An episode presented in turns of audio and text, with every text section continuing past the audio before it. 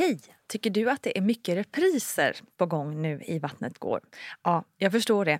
Det beror helt enkelt på att jag, Nina Campioni, just nu har en pop-up second hand i Modgallerian i Stockholm. Så min tid räcker helt enkelt inte tid att göra så många avsnitt som jag hade önskat. Men tills jag är tillbaka på full tid, kom gärna och hälsa på mig i Modgallerian. Vi ses! Nej, men vi, strunt, vi behöver inte söva henne för hon tuppar av. Eh, liksom, och de bökade runt en del för att liksom, få ut honom och sådär. Så det gick inte jättesmidigt det här kejsarsnittet. Liksom. Hej, hej kära lyssnare och välkommen till ett sprakande nytt avsnitt av Vattnet går med mig Nina Campioni. Och nu ska vi som vanligt prata graviditet och förlossningar. Detta underbara ämne som man kan prata om i all evinnerlighet. Jag påminner också om att Vattnet går ju också finns på Facebook och Instagram och där fortsätter diskussionerna och utbytet vidare och där kan man också ta del av ännu fler förlossningsberättelser i form av Mammor berättar. Missa inte det. Nu över till veckans gäst som är Jenny Malmberg. Hon är advokat och trebarnsmamma boende i Bromma. Och hon är också en av alla ni som mejlat in om positiva upplevelser kring det här med igångsättning. Så nu blir det mycket snack om igångsättningar men också IVF, diabetes och faktiskt tre helt olika utgångar vid förlossningens slutskede. Spännande, minst sagt. Med oss är också som vanligt vår alldeles egna Gudrun Abascal. Och jag ska också säga det att jag sitter ju nu hemma i mitt lilla sovrum och spelar in eftersom corona har gjort att studion är stängd. Så om ljudet är lite annorlunda, eh, Jenny sitter nämligen i sitt sovrum i Bromma, så vet ni varför och jag hoppas att ni har förståelse för detta. Nu kör vi!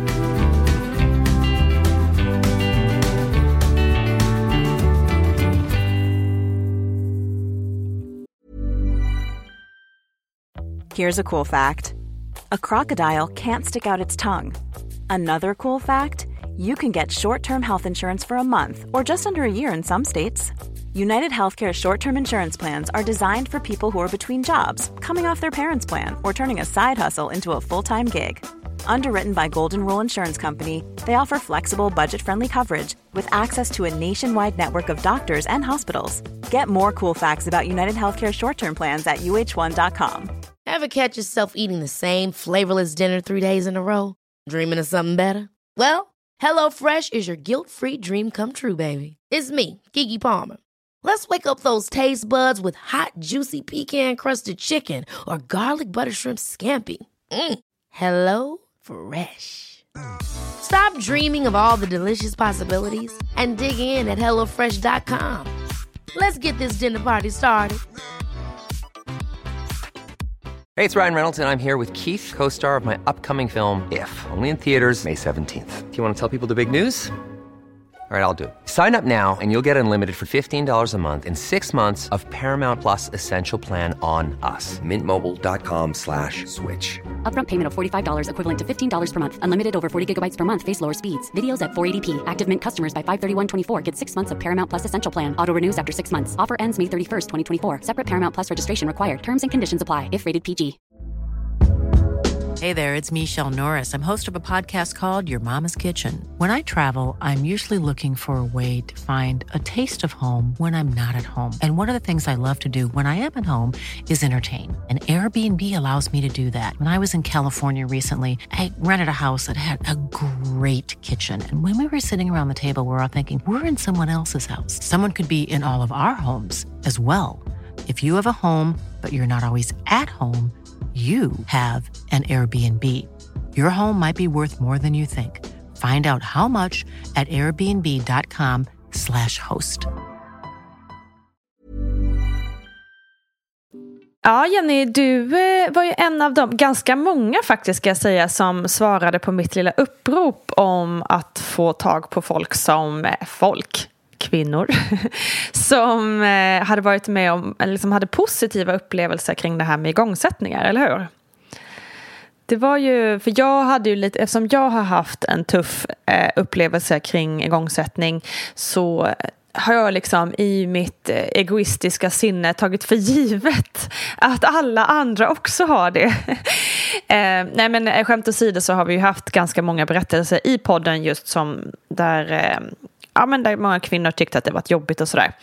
Eh, så då kände jag att men någon, någon där ute finns det säkert som har haft en positiv upplevelse kring det här. Och det har ju du. Ja. Så nu ska vi eh, prata mer om det helt enkelt.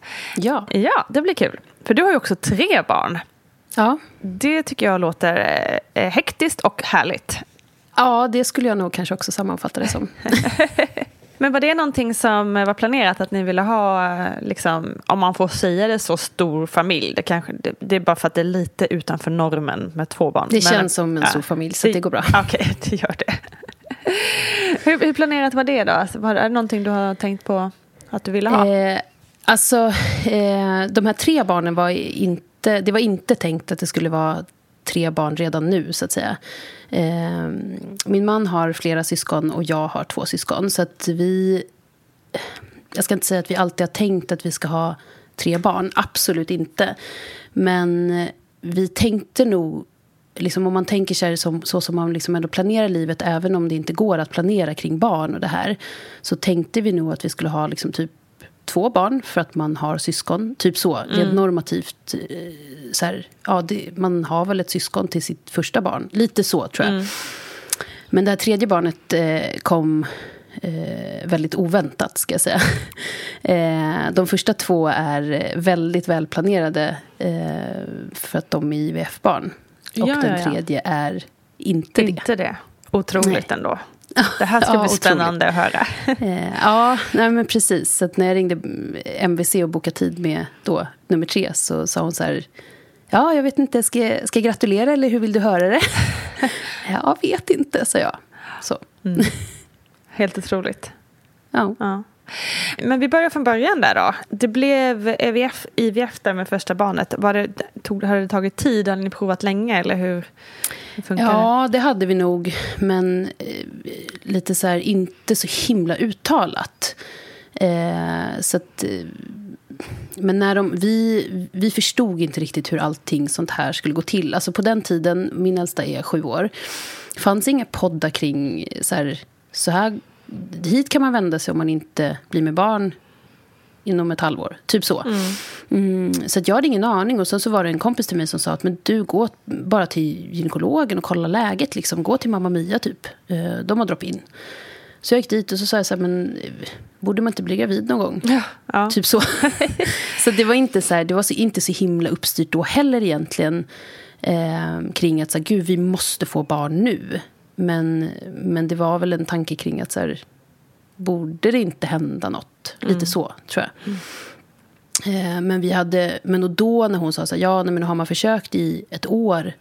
Vi bara, ja, ja, jo, men det har vi väl liksom minst. Och sen med facit i hand tror jag att vi nog hade försökt i flera år. Mm.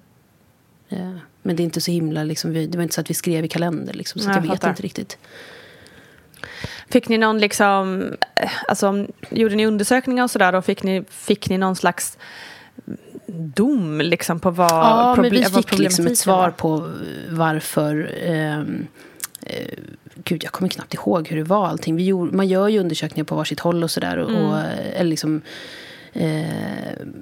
på både mannen och kvinnan. Och, och, sen så fick vi liksom, ja det beror förmodligen på det här. Mm. Och, sen, och vi rekommenderar IVF. Mm. Och vi kunde inte det här, för sen så gjorde de såna IVF med ICSI, tror jag det heter.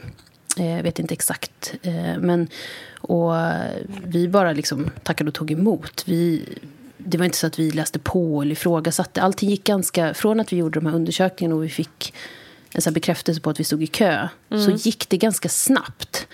Eh, vi hade hört att det, så här, men det tar ett och ett halvt, två år i kön i Stockholm. Ja. De här diskussionerna. Liksom. Men vi hann inte riktigt med det, tror jag. Vi var ganska upptagna av... Det hände ganska mycket. Ja, men så här, vi gifte oss och vi eh, bytte jobb. och ja, Du vet, såna här grejer som händer i livet. Så vi funderade kanske inte... Vi var inte jätte jättemycket på det här hela tiden. Liksom. Ja, skönt ändå. Och, det är lätt, ja, väldigt alltså, lätt att gå Jag ska inte säga att det var en jätteglad period. Men det, var, men det var inte kanske allt just då. Mm. Ehm, och sen så var vi så här, när vi fick det här typ brevet på att vi stod i landstingskön. Så var det, jag kommer inte ihåg vad det stod att liksom förväntad kötid var. Men det var väl kanske minst tio månader eller något sånt där. Och sen så ringde de efter kanske sex månader Och då förstod inte vi vad som hände riktigt. För vi var så inställda på att det tar ett år. Ja, exakt. Och oftast i landsting om man får en kö, eh, estimated kötid så är det inte som oftast att det så går snabbare. Det Nej, precis. Ja. Som jag förstod det så var det de ringde runt på en lista för att någon hade liksom gjort, lämnat återbud. Så att vi hade tur. Eh, hade vi legat kvar liksom i kön så kanske det inte hade blivit först två månader senare eller tre. Alltså det vet mm. man inte, men, men vi hade tur, verkligen. Skönt. Och sen så var det också så att med, med första barnet så, så gjorde vi det här IVF-försöket och det lyckades. Otroligt. Så att vi, alltså, ja, vi har varit inne i karusellen fast eh, det finns de som har det mycket, mycket värre. Mm. Och liksom genomgår år av tuffa perioder i det här, liksom, i processerna. Mm. Vi, hade liksom, ja, vi hade väl haft några år innan när det var så här, men oj, oj, oj, varför så? Mm. Men ändå varit upptagna av mycket annat, så det kanske inte var... Det var liksom inte allt just då, ska jag säga. Mm. Men fantastiskt att det gick på första... Det är otroligt också viktigt tror jag att hör, få höra det.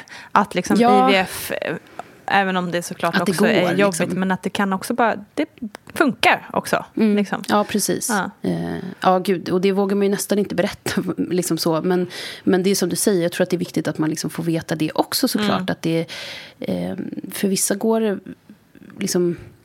Det, kan, det är tufft och allt det här, men det kan också gå väldigt eh, enkelt. Mm. Det kanske är dåligt uttryckt, men, men så. Nej, men att det kan funka liksom. Det måste inte ja, behöva precis. ta flera, liksom, jättemånga försök och det måste inte vara liksom, ja, fruktansvärda nej, eh, liksom, stunder. Utan det faktiskt nej, kan hade, bara fungera. Hade, jag tror att vi hade mycket tur kring allt det här. Därför att i det här så fick vi också eh, plats på en klinik i Stockholm eh, som låg två kilometer från mitt jobb.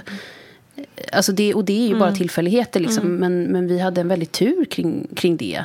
Så att, och hela de här, de här processerna då, eller den här processen, det gjorde, vad ska jag säga, inte mer ingrepp i våra liv än vad, än vad det liksom behövde göra. Det. det. var inte så mycket runt omkring det. Mm.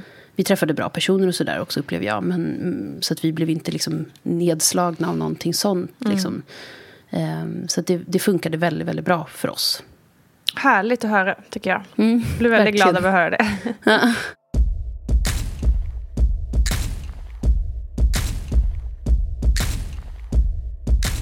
Hur var det att, eh, att vara gravid sen då, tyckte du? Alltså jag tyckte väl inte... Alltså jag mådde jättebra. Eh, hade inga liksom krämpor och sådär. Men jag tyckte inte att det var toppen. Jag blev, tyckte att jag var väldigt... Folk var så här, ta det lugnt och du vet allt det här. Ehm, det passade inte riktigt mig, tyckte jag. Ja, jag ville liksom köra på. Jag tror att jag också, när jag har reflekterat över det i efterhand så kan jag nog tänka mig att jag ville ha en... Eller jag ville nog bevisa mig att jag klarade minst lika mycket när jag var mm, gravid. Mm. Det är nog ganska vanligt. Jag känner igen det. så att jag liksom sprang till bussen som en galen person istället för att vänta på nästa. Och, du vet, så, här, ja. så, så som man liksom... Nästan för att visa att jag kan visst hinna med den där bussen. Precis. Så himla fånigt kan jag tycka nu i mm. efterhand. Men sen med första barnet också så, så har man inte heller... Jag är mycket liksom mer att säga, gud, jag, jag kan tänka mig att vila lite nu. Liksom när jag har tre barn.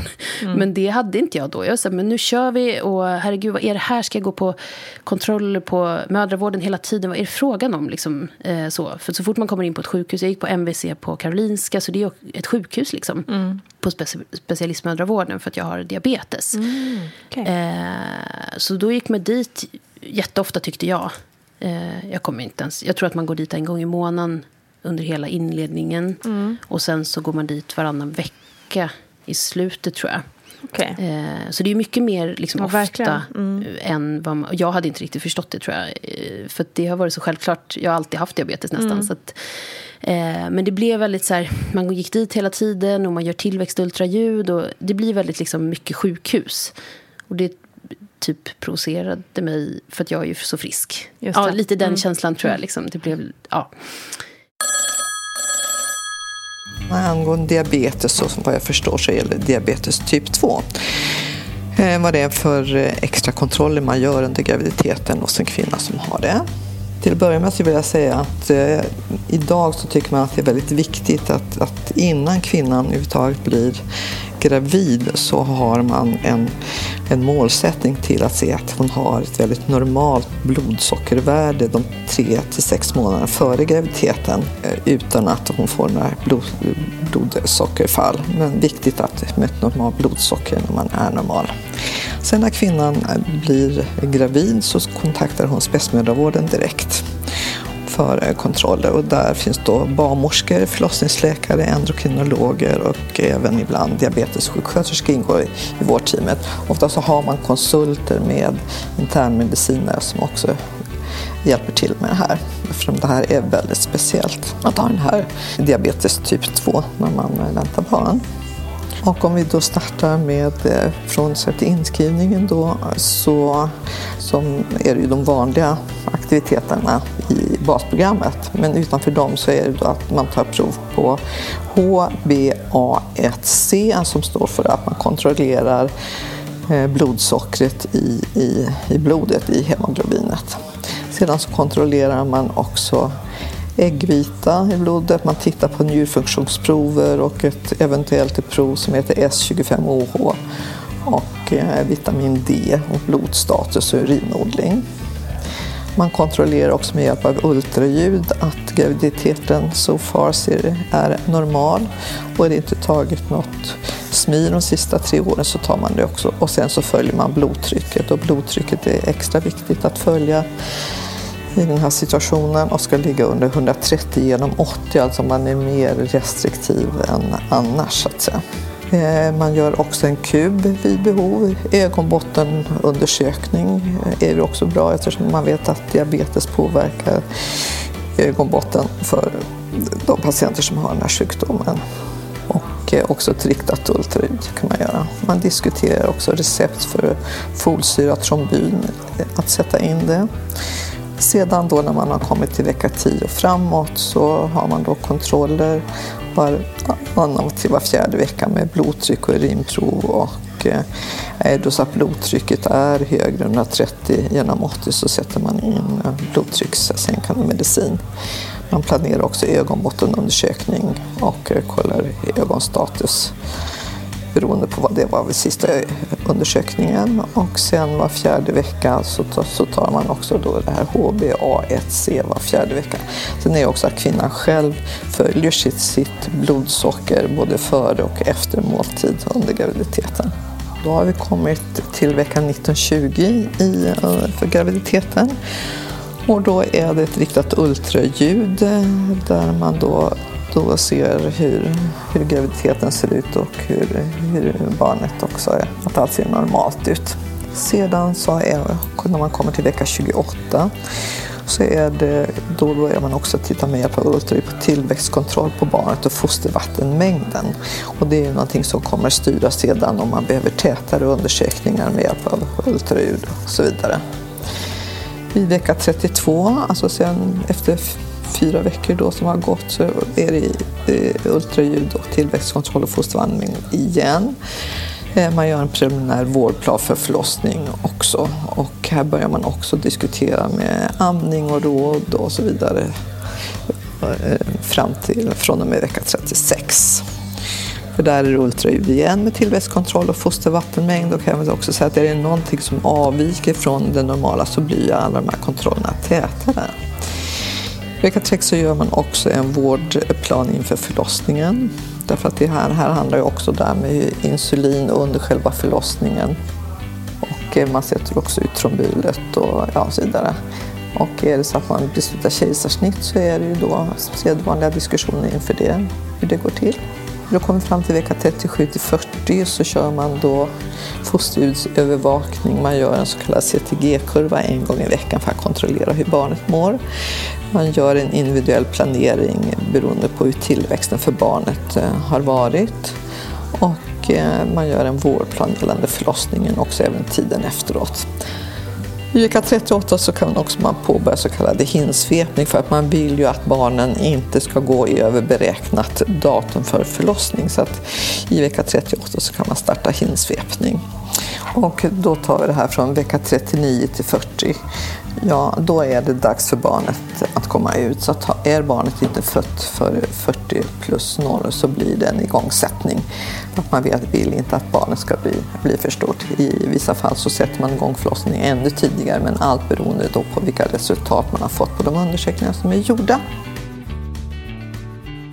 Men jag mådde bra och jag, eh, jag fick nog brottas lite mer med de här, liksom så här med mig själv kring att vara gravid snarare än att jag liksom mådde dåligt eller sådär. Jag hade ingen liksom, eh, vad heter det, foglossning eller någonting sånt. Eh, kunde springa ganska länge och sen simmade jag länge. Eh, det tyckte jag var jätteskönt. Eh, för att liksom, ja, men ändå hålla igång. Liksom så. Skönt. Det var nog en bra graviditet tror jag. Mm. Ja, det låter som.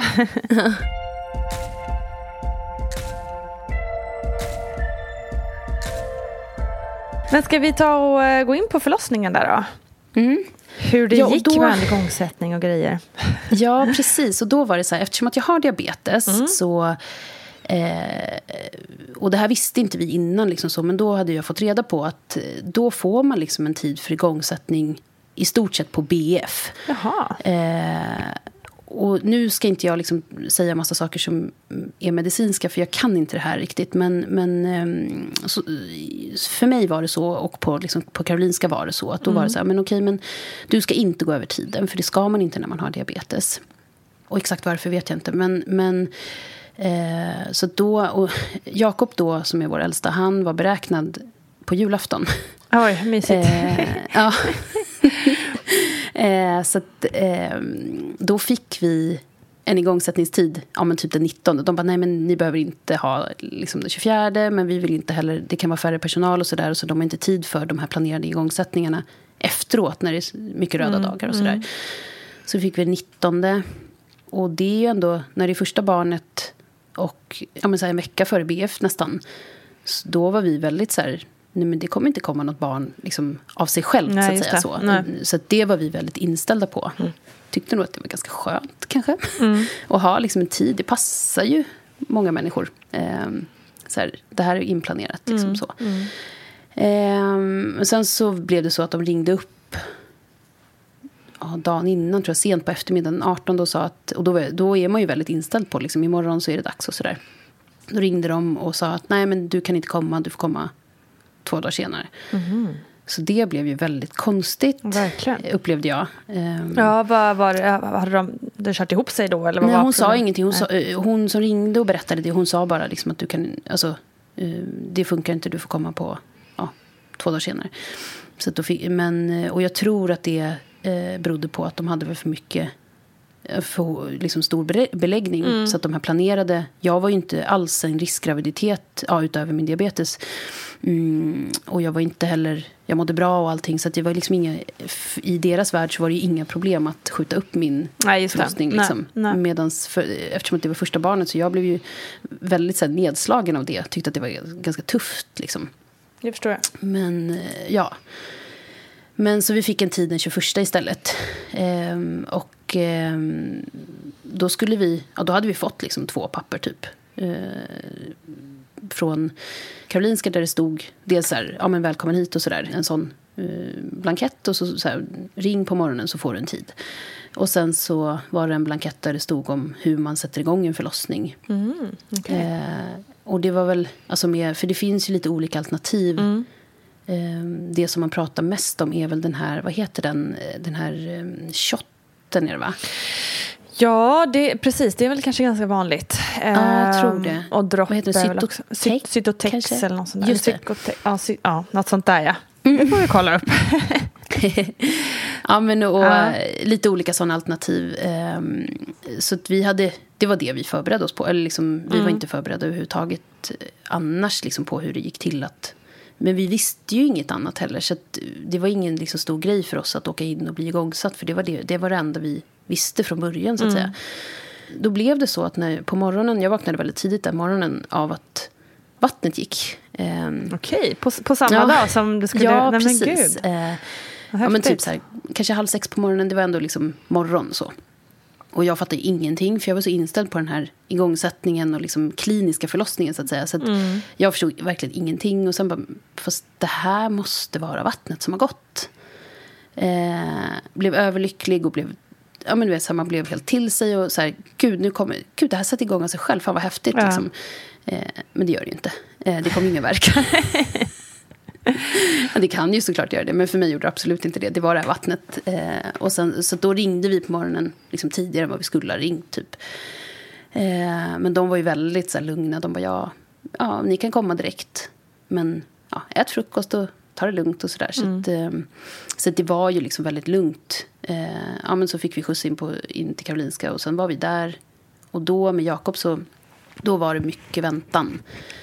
Eh, vi kom dit, vi gjorde eh, ja, men en undersökning. Ja, men man blir inskriven och sådär. Och sen så eh, gjorde vi någon undersökning.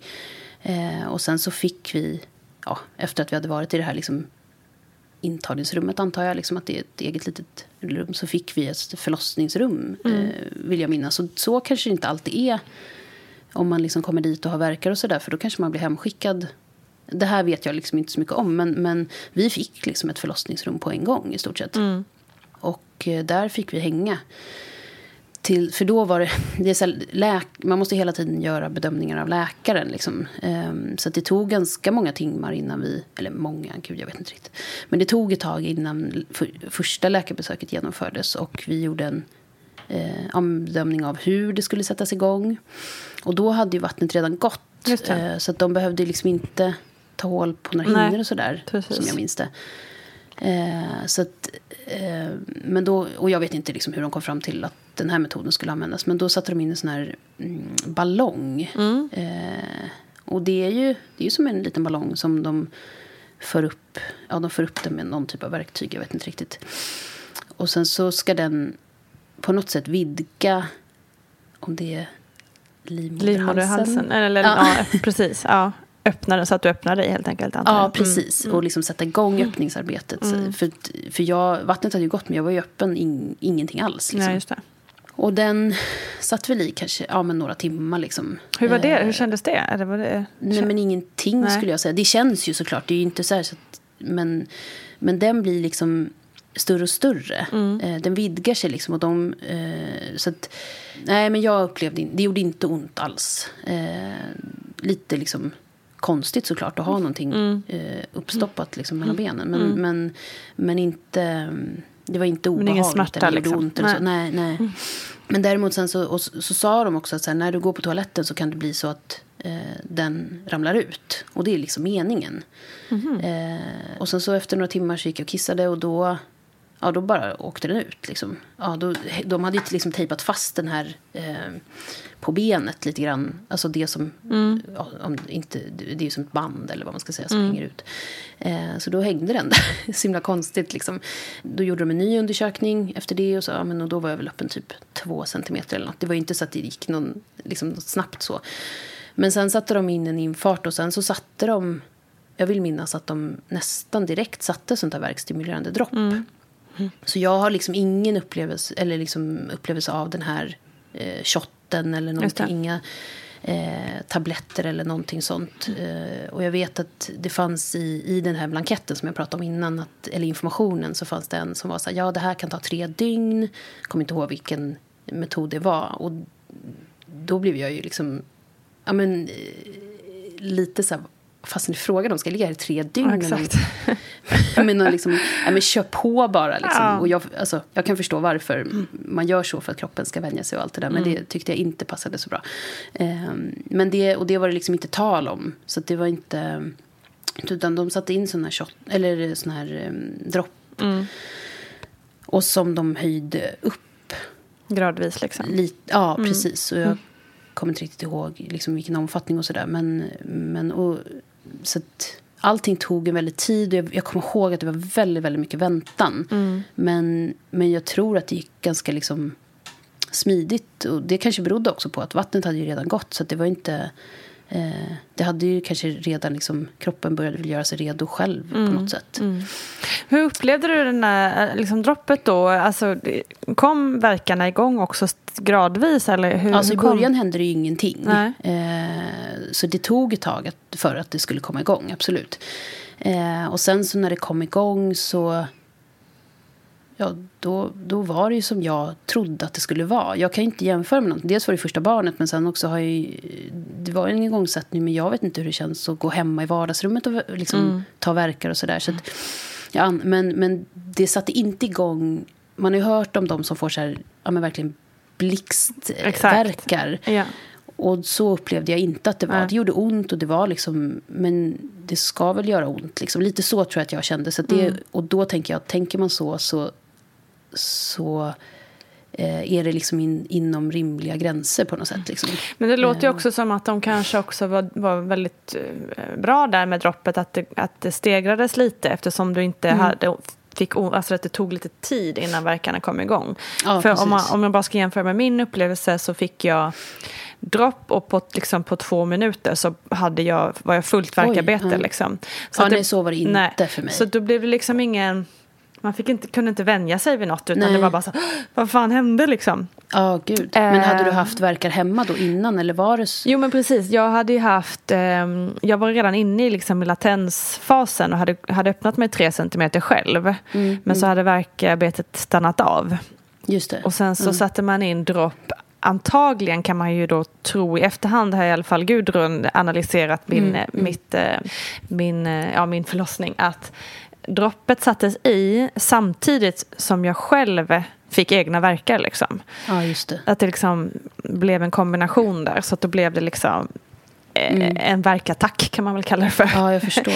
Mm. så det var ju lite chockerande. Liksom. Så att igen, det låter ju som att så här som du har fått det är, är mm. ju mer optimalt liksom, för hur ja, en igångsättning kropp... ska fungera. Liksom. Ja, ja, men absolut. Och jag tror inte att min kropp eh, gjorde någonting själv mm. vad gäller verkarbete. För jag som sagt, när, när vattnet gick och jag var så här, ja nu kör vi liksom, mm. nu, nu kommer verkarna och sen kommer barnet ut. Mm. Alltså, ja, mm. man tror ju så. Mm. Men eh, det hände ju ingenting. Och under de liksom, timmarna som vi var där hela dagen, vi var, kom dit på morgonen och vi var ju där hela dagen. Min kropp eh, gjorde ju ingenting eh, som visade att den var på väg att sätta igång verkarbete nej, själv. Nej. Ingenting. Så det här droppet var ju... När, när det kom och liksom satte igång verkarna så det var verkligen det första som hände liksom, mm. eh, vad gäller verkarbete. Mm.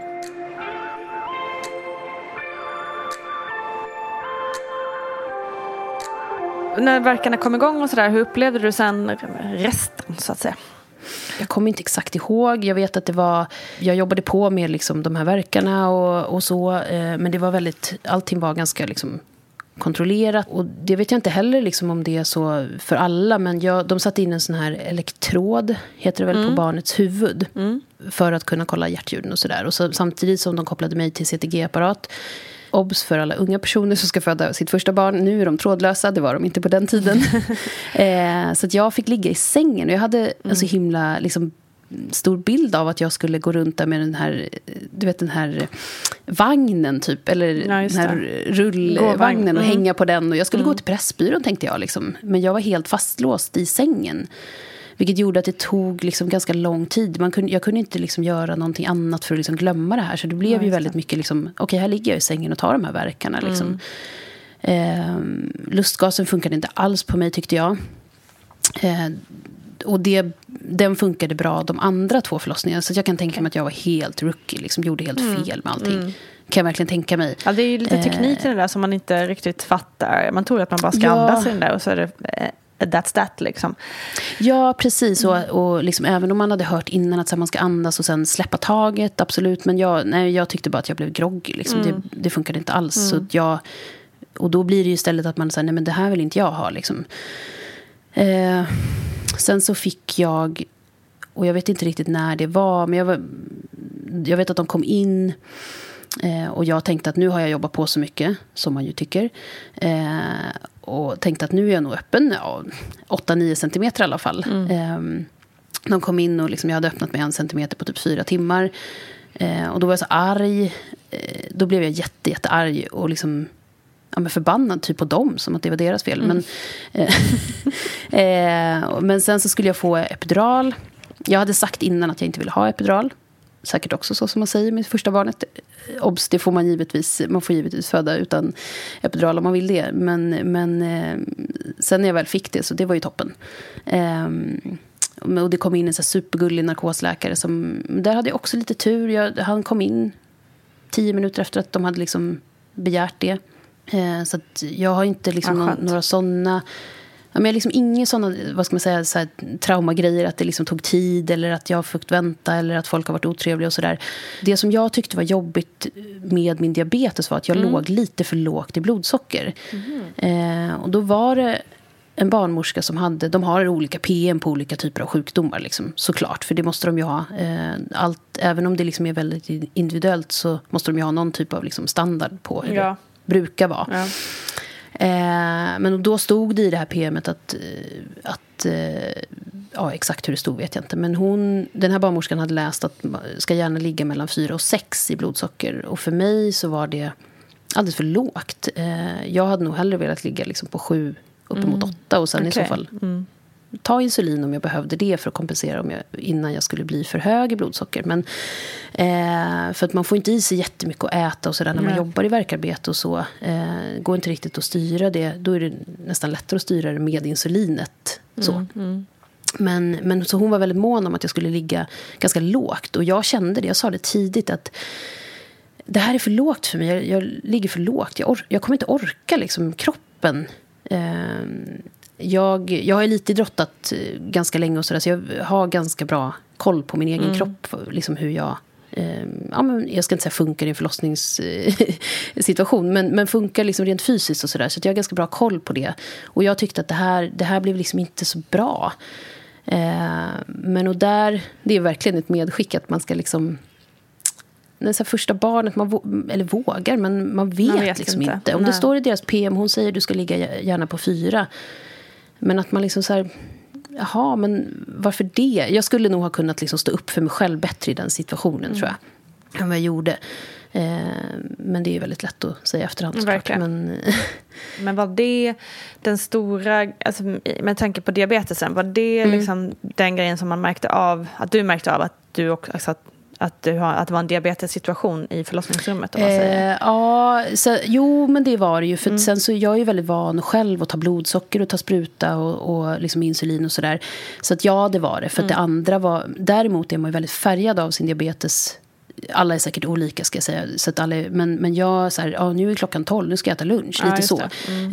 man, är väldigt liksom, man hakar upp sig på de här måltiderna kanske. Mm. Och det funkar ju inte riktigt så eh, att man ja, fast just nu så är det liksom inte middagsläge och det kanske inte blir någon middag idag. Eh, jag har annars, ja, men som, så här, när man är en idrottsperson och, och eh, liksom har diabetes och sådär, då är man ganska mån om att få in de här måltiderna mm. liksom på rätt eh, tillfällen och sådär. Så att jag var nog ganska liksom, det blir, det blir ju en del diabetes kring en förlossning ändå. Mm. Eh, däremot så var ju inte det någonting som störde själva liksom förlossningen eller sådär. Nej. Men mer att det blir tankeverksamhet kring det kanske. Just det. Eh, och är man, nu är inte jag särskilt oro, oroligt lagd, men om man är oroligt lagd så är det någonting som man kanske behöver ha extra koll på inför. Hur det, eh, ja, hur bemöts man och hur, mm. hur funkar det och får man mat om man behöver det och sådana där situationer eller saker så att man mm. vet, mm. liksom, man är förberedd på det. Verkligen. Eh, men, eh, men sen så och det här tror jag att jag trodde, för jag låg lite för lågt i blodsocker under en situation, eller under en liten period och då, sen så började jag kräkas jättemycket. Alltså jag hade inte läst så mycket om hur förlossningen skulle gå till. Så att jag, hade jag gjort det så hade jag förstått att det här var när barnet åkte igenom de här spinetaggarna eller vad det var. Mm. Eh, och, och, men, men eh, och då var Peter iväg, han var typ på toa eller var och handlade eller någonting. Och, och, sen, och ingen, ingen annan var på rummet. Så när de öppnar dörren och kommer in, då kom precis, liksom, det här var vid halv tio på kvällen, för det, då kom precis nattpasset på. Eh, ja, men då kommer de in i ett rum som är helt nerspytt. Eh, så otroligt härligt. Eh, men, eh, men det trodde jag berodde på att jag liksom låg för mm. lågt i blodsocker. Men mm. efter det så sa jag så här, men fast nu, nu måste jag upp i blodsocker. Liksom. Eh, och då, då var det dessutom ny personal, men då, då, då var de väldigt fine med det. Liksom. Mm. Men jag kunde nog ha sagt det tidigare egentligen. Men det tror jag berodde på de här spinetaggarna, så jag Just hade nog inte kunnat kunnat undvika det då kanske. Nej, nej det är klart. Men, det men som du säger, det är ändå viktigt att lyssna på sin egen kropp och, och lita till den lite. Just det här med som du säger att ja, man kanske är lite tuffare vid andra förlossningen eller tredje. Men, men just att, ähm, att det är viktigt också att, uh, att ja, göra det. Ja, och det handlar inte bara om att man är tuffare egentligen vid den andra eller tredje, utan att man vet, mm. man är förberedd. Mm. För det går ju inte att gå in första gången och vara förberedd, Nej. annat än att Nej, ha lyssnat på sådana här poddar eller läsa mm. böcker och vad man nu gör. Mm. Men i praktiken så är det något helt annat ändå, för alla upplevelser är så olika. Liksom. Mm. Visst är det så. Eh, men jag pratade med, i efterhand så pratade jag med bland annat min diabetesläkare och eh, min, min eh, ja, barnmorska på MVC och sådär. Och de var så ja nej men det, det låter som alldeles för lågt. De riktlinjerna som hon liksom förhöll sig till, det var nog inte det är nog inte meningen att det ska vara så. Mm. Liksom så. så hon hade läst, den, den barnmorskan hade läst det på sitt sätt. Just det. Liksom mm. det här PMet. Och så mm. blev det lite tokigt. Liksom. Det är inte så lätt att veta vad det står i deras PM heller när man kommer. Som, liksom, så att, nej, eh, det vet man ju inte. Och man tänker inte heller, eller inte jag gör inte det, att jag är så himla annorlunda för att jag har diabetes. Så att man tänker kanske inte att de har ett PM i permen för Just min det. Nej, nej, situation precis. heller. Nej, exakt.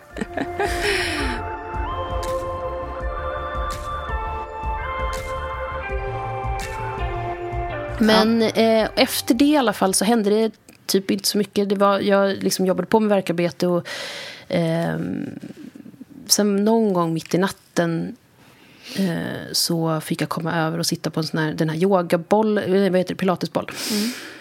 Eh, för att liksom, de tyckte liksom inte att han kom ner ordentligt. Eh, och eh, jag öppnades ganska långsamt. Inte liksom eh, oroligt långsamt, men det hände inte så mycket. Liksom. Och jag blev ganska frustrerad över det. Tyckte väl att det var lite jobbigt. Men, och sen så gjorde de en undersökning, en läkarundersökning. Och då så bara, men gud, är det inte... Alltså jag tycker att det är liksom typ en näsa här eller vad det var. Jag kommer inte ihåg riktigt. Eller ett ögonbryn eller något sånt där. Eh, att det var liksom, de, fick, de var inne med händerna och de fick tag på fel, fel delar av ansiktet eller huvudet. Eller så här. Eh, ja, jo, men sen så höll de på och resonerade. Ja, men då låg han i, låg han i ansiktsbjudning. Jag vet inte exakt. Eh, men han låg med ansiktet eh, framåt, så att Just säga. Mm. Eh, och, och det gjorde att han liksom låstes fast i stort sett. Han kom inte neråt. Mm.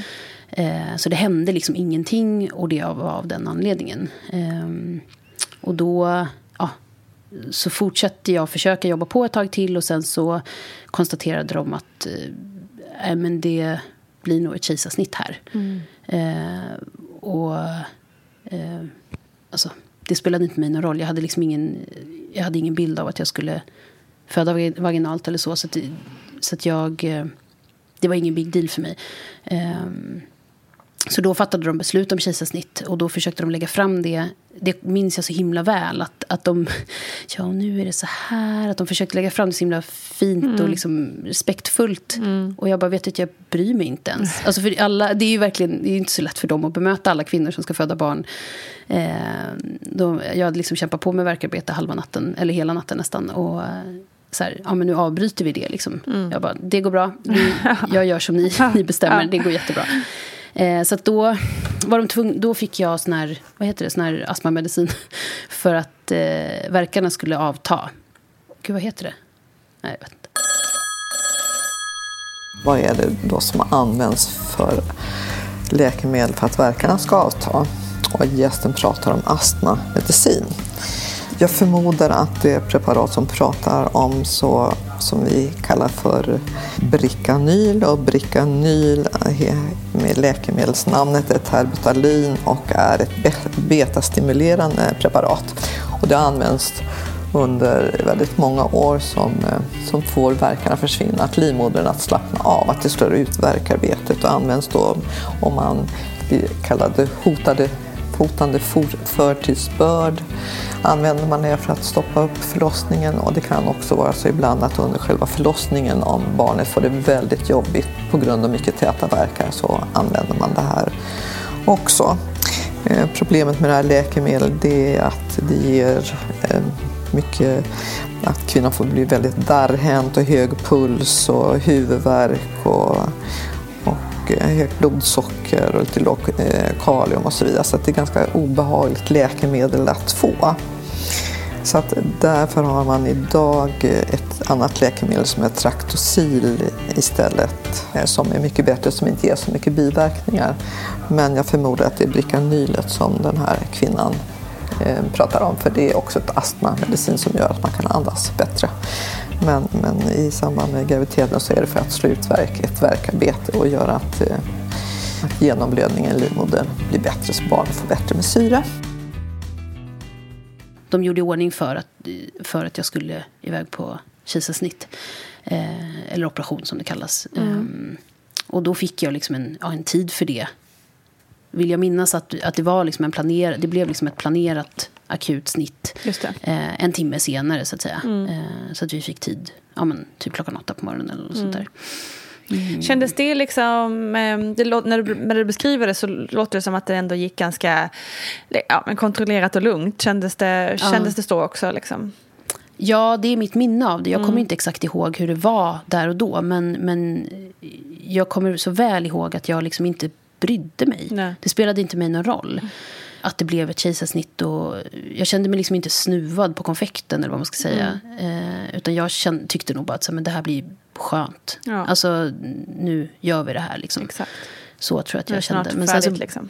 Ja, precis. Men, men sen så blev det ju rätt eh, ja, men jag fick väldiga så, skakningar eh, när de hade stoppat upp eh, verkarbetet och så. Så jag låg liksom på, mm. på ja, britsen eller sängen och liksom bara skakade jättemycket. Och så, så det blev väldigt konstigt. Jag hade inte förstått att det liksom skulle bli så. Nej. Men, men nej, det var väl liksom lugnt. Och sen så ble, det var ändå väl, allting var väldigt lugnt eh, i mitt minne. Eh, även om det liksom eh, så det var liksom helt odramatisk förlossning även om det liksom hände grejer som gjorde att det inte blev som det var tänkt. så att mm, säga. Eh, men sen så blev kejsarsnittet blev eh, väldigt märkligt för de lyckades... Ehm, eh, det var samma narkosläkare som hade varit innan och sådär. Så det kändes ju jättebra. Och mm. det var väldigt så här, det är ju det är en otroligt fin situation att komma in på ett liksom, operationsrum. Och de är så himla fina och snälla Liksom. eh, men, eh, men sen så um, lyckades de komma åt något stort blodkärl som de, om de klippte eller skar sönder det eller någonting. Så att jag förlorade väldigt mycket blod. Mm. Eh, och ja, jag vet att det är också så här, som jag berättar för alla, men, men det är så här att jag minns att de Nej, men vi, strunt, vi behöver inte söva henne för hon tuppar av. Eh, liksom, det är liksom ett minne som jag har. Eh, och de bökade runt en del för att liksom få ut honom och sådär. Så det gick inte jättesmidigt det här kejsarsnittet. Liksom. Eh, men...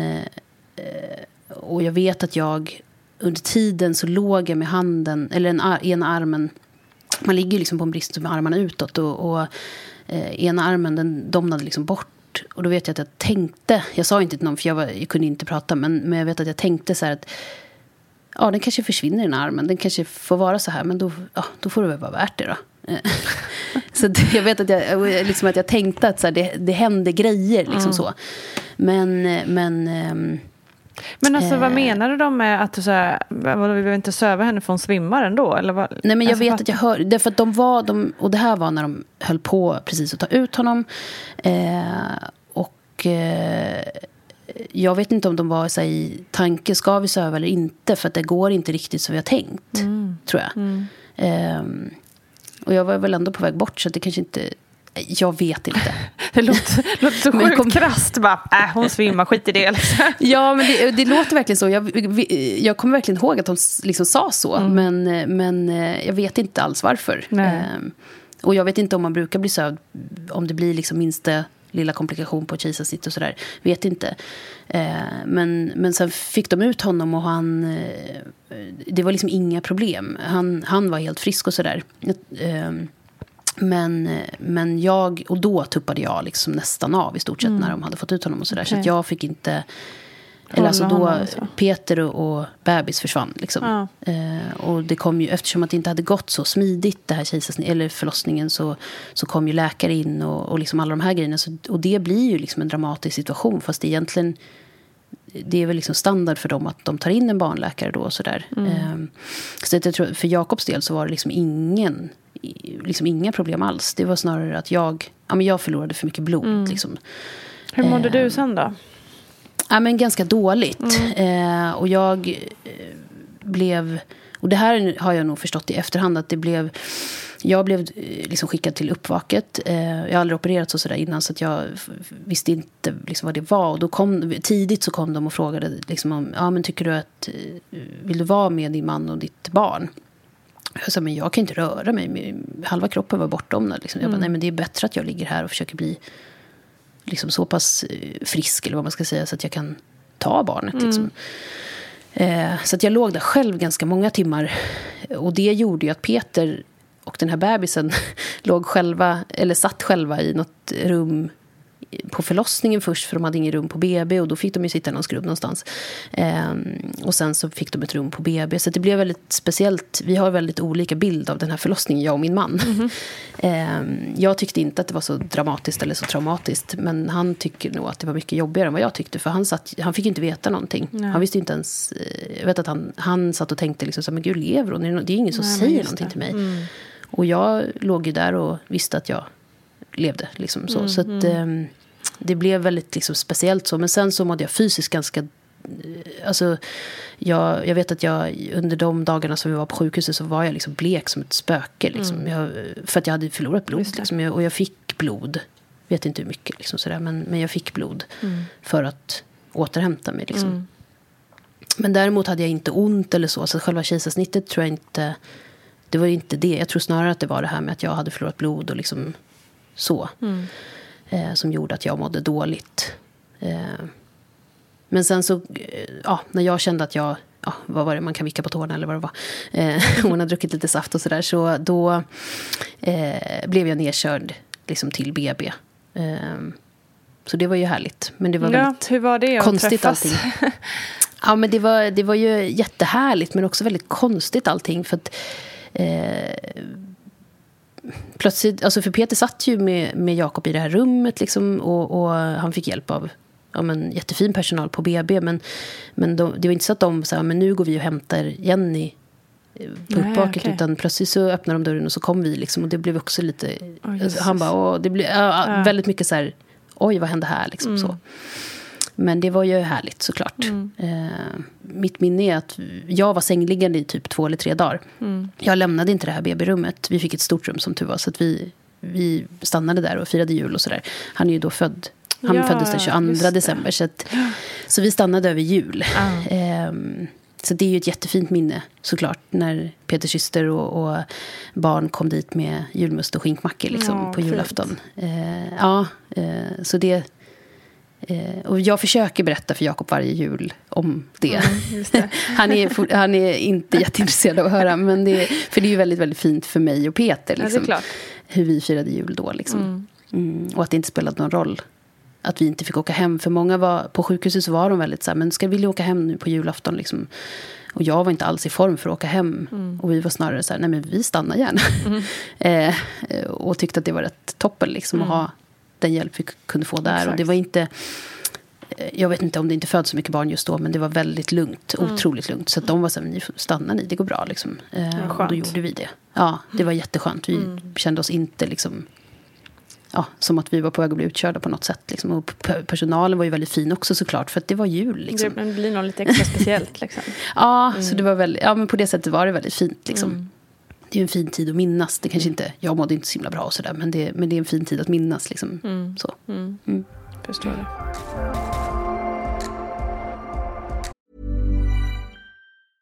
Planning for your next trip? Elevate your travel style with Quince. Quince has all the jet setting essentials you'll want for your next getaway. Like European linen, premium luggage options, buttery soft Italian leather bags and so much more. And is all priced at 50 to 80% less than similar brands. Plus, Quince only works with factories that use safe and ethical manufacturing practices. Pack your bags with high-quality essentials you'll be wearing for vacations to come with Quince. Go to quince.com/pack for free shipping and 365-day returns. Ever catch yourself eating the same flavorless dinner 3 days in a row, dreaming of something better? Well, HelloFresh is your guilt-free dream come true, baby. It's me, Kiki Palmer. Let's wake up those taste buds with hot, juicy pecan crusted chicken or garlic butter shrimp scampi. Mm. Hello Fresh. Stop dreaming of all the delicious possibilities and dig in at HelloFresh.com. Let's get this dinner party started. Hey, it's Ryan Reynolds, and I'm here with Keith, co star of my upcoming film, If, only in theaters, May 17th. Do you want to tell people the big news?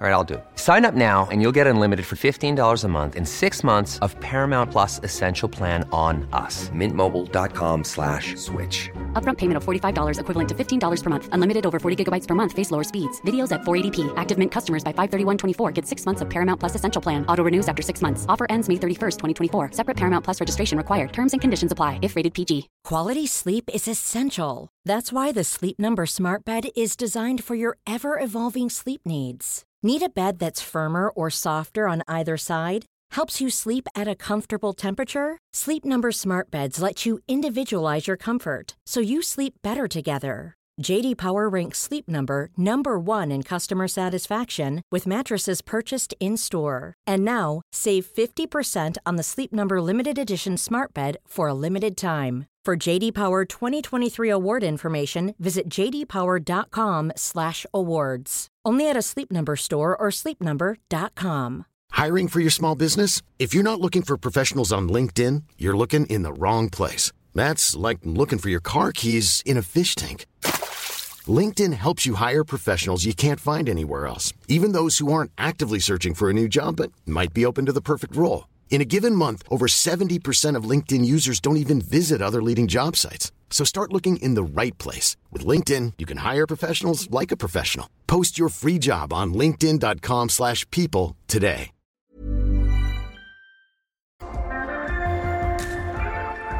Eh, nu tar vi ett raskt steg. Från mysigt julfirande på förlossningen Ja, så hoppar vi genast över till eh, era tankar på, att, eh, på syskon. Då. Mm. Och det... Jag var väldigt, väldigt nöjd med det här första barnet. Jag tyckte att det var toppen. Jag gick ganska länge och tänkte att nej men det här räcker. Det behöver inte bli mer än så här. Eh, jag tyckte att det var rätt tufft eh, när jag kom tillbaka och skulle börja- börja jobba. Eller vi båda skulle börja jobba när han började på förskolan. Eh, det är mycket att få ihop liksom allt det här. Och det gjorde att jag så här, nej men jag behöver liksom lite mer tid att bli redo. Liksom, för, och inte bara så här, skaffa barn inom två år för då behåller man sin SGI från Försäkringskassan. Eh, så. Eh, jag, tyckte, jag var inte alls redo för det. Jag tyckte att det var toppen det här livet med ett barn. Eh, men samtidigt så har man ju i bakhuvudet också att om man ska göra IVF och liksom bestämma, det blir, krävs en viss planering. Liksom, och där var Peter kanske lite mer driv- drivande än vad jag var och liksom tyckte att jo, men det är lika bra att sätta igång. Liksom. Eh, så att vi, vi hade ett nedfryst embryo Eh, och vi hade bara ett. Så det var ju eh, så här, ja, men ska vi satsa alla kort på det? Annars får vi liksom lägga... Det blir en ekonomisk fråga. Det är väldigt, väldigt, väldigt mycket billigare att liksom bara använda sig av det här frysta embryot än att köra igång med hela IVF-karusellen. Liksom. Eh, och då blir det så taktiskt. Ska man köpa tre försök? Ska man köpa ett försök? Vi höll på att kolla runt och liksom så. Eh, eh, och liksom så här, vad ska vi spara på? Hur ska vi tjäna ihop de här pengarna? Eller få ihop de här pengarna? Och, ja, men, så det blir mycket tankar på ett annat sätt. Det är mycket tankar kring att skaffa ett syskon. Även om man kan bli gravid liksom, eh, genom att ligga med varandra. Men, men jag tänker att det blir andra tankar när man, har, liksom, när man vet att det måste gå till på ett annat Ja, sätt. ja, visst. Liksom. Absolut. Ehm, men så att när Jakob var, måste jag tänka, um, Vera föddes när han var, hade, han var tre år och tre månader. Så när han var väl kanske två eller något sånt där så tyckte vi, då bara, ah, men okej, men vi kollar hur man gör, liksom, vart vi ska kontakta och eller liksom vem vi ska kontakta och hur man gör och sådär. Ska man stå i kö igen och sådär. Vi visste liksom ingenting om det. Då ringde vi och kollade och de var så här, ja nej men ni har ett embryo här, det är bara att ringa och säga när det är dags så kan du kolla med ägglossningssticka och så kan ni bara höra av er så, så kommer ni hit och sätter in det. Wow. Ja, Jaha, jaha okej. Ja, men då, det var de här köerna, vad hände Ja, liksom? eh, så då, ja, jag kommer inte exakt ihåg men det här var väl kanske i mars eller någonting. Och sen så, ja, så bokade vi typ in en tid. Vi kom dit på något, liksom, konsultationsbesök eller någonting. Och sen så, ja men där och då borde du få ägglossning. Kolla det med stickor och sen så hör av dig typ. Ehm, för då stoppar man ju liksom in det här embryot i en eh, liksom, pågående cykel. Eh, så då gör man inte massa medicinering och sådär innan, eller under tiden. Det blir nästan Eh. som en vanlig date night. Ja, precis. Fast på sjukhus med en exakt. pipett. ja, men lite så. Eh, så att, så att då gjorde vi det. Och jag kommer ihåg, för det här, och det kan jag också tänka i efterhand, det hade, jag ingen, hade ingen aning om det, men det här gjorde vi på eh, i Kristi himmelfärd när det var stängt, alltså Jaha. den här torsdagen när det är röd dag. Ja. Men det var öppet på den här kliniken. Eh, vilket hade vi inte gjort det där, då, alltså på en stängd klinik, eller en klinik som stänger för helgerna, då kanske vi hade fått göra det liksom en månad senare. Ja, så vi hade ju väldigt tur där också, ja. tänker jag. Ja. Det var ja, ingenting man vi ens reflekterade över. Exakt som du säger, man har ju en cykel och den är ju inte anpassad efter röda dagar direkt. Liksom. Nej, absolut inte. eh, så att, så att, och det är också så en grej som vi liksom hade lite tur, tror jag. Liksom, så att det bara flöt på. Vi mm. hann liksom inte riktigt fundera, utan det bara flöt på. Så blev det liksom den dagen och så åkte jag dit. Och sen så... Eh, och då åkte jag dit själv, kommer jag ihåg. Att jag åkte dit på, för då, ja men Peter och Jakob gjorde väl något annat. Och sen så kom de och hämtade mig efter det här, vad heter det, is, insättningen. Mm. Eh, och sen åkte vi ut till landet och firade Kristi himmelfärd, typ. Eh, så att, eh, och det... Det är nästan så att man inte vågar berätta det här heller, men det, det funkade faktiskt eh, även på det här försöket. Det är fantastiskt. Eh, Ja, det är, det är faktiskt helt fantastiskt. Det ska du väl inte alls behöva känna att man inte Nej, får säga. men man kan känna liksom att det blir så himla så här happy-go-lucky. Men, ehm, men det är viktigt eh, att det är det för, för, liksom, för många också. Ja, men och det här gör ju att jag känner ofta eh, att liksom, jag kommer alltid liksom, eh, sålla mig till en av dem, eller själv se mig som en av dem som liksom eh, ja, men det har varit kämpigt. Liksom. Man har mm. haft sina uppförsbackar att, att få barn. Mm. Men, men jag känner att jag inte riktigt hör hemma där. Förstår du? Eh, att man mm. liksom så här, jag kan inte riktigt identifiera mig med de som har liksom kämpat i åratal. Och som, eh, för vi, det blev liksom inte så för oss, även om vi, hade, eh, även om vi behövde kämpa på vårt sätt. Liksom, mm. så. Eh, ja, man ska inte hålla på och mäta liksom, och jämföra och allt det här. Det, det, är inte det jag menar. Men, men jag kan liksom inte riktigt känna att jag hör hemma i den gruppen. Eh, Nej, så, men jag fattar såklart. det. Men jag, men jag tror också att, liksom att oftast blir det ju kanske de berättelserna man får höra också. Där det verkligen är såklart. ett stort kämpande i många, många år. Mm. Uh, mm. Men det är precis lika viktigt att höra att det absolut kan vara svårt. Men det kan också liksom funka när man väl får den rätta hjälpen som man ska ha. Liksom. Jo, nej men absolut. Och, och, vi fick ju verkligen det uppenbarligen. Liksom med, mm. med rätt, eh, med rätt ja, metoder och mm. de här grejerna som vi inte... Vi var inte insatta i det överhuvudtaget. Eller han ville inte bli det heller eftersom att det liksom fungerade på första försöket på båda mm. gångerna. Liksom så. Mm. Nej, men, men, det är fantastiskt. Eh, det är, det är liksom helt otroligt egentligen. ja, det... nej, men verkligen. Det känns verkligen som att det var helt otroligt. Mm. Man vågade liksom inte riktigt eh, eh, tro att det var sant. Nej. Um. Men, eh, ja, verkligen. Ehm, och sen så, ja, då blev jag gravid. Ja. Eh, och var gravid under, under det, liksom hösten igen. För Vera, han är född i december och Vera är född i februari. Så mm. det, det, var liksom samma typ av period att vara gravid i och sådär. Mm. Hade du samma feeling det här med att du ville liksom överbevisa att du fortfarande kunde och sådär? Eller kände, mm, ja, kunde du slappna jag trodde lite grann. Men jag kunde slappna av mycket, mycket mm. mer. Jag var mycket, mycket lugnare i eller så här, det är ju rätt jobbigt om man har ett litet barn hemma. Mm, eh, eller tar på krafterna. Så att jag var mycket mer noggrann med att så här, ja, men orkar jag inte jobba heltid, då kommer jag inte göra det. Mm. Alltså verkligen så här, lyssna in och försökte.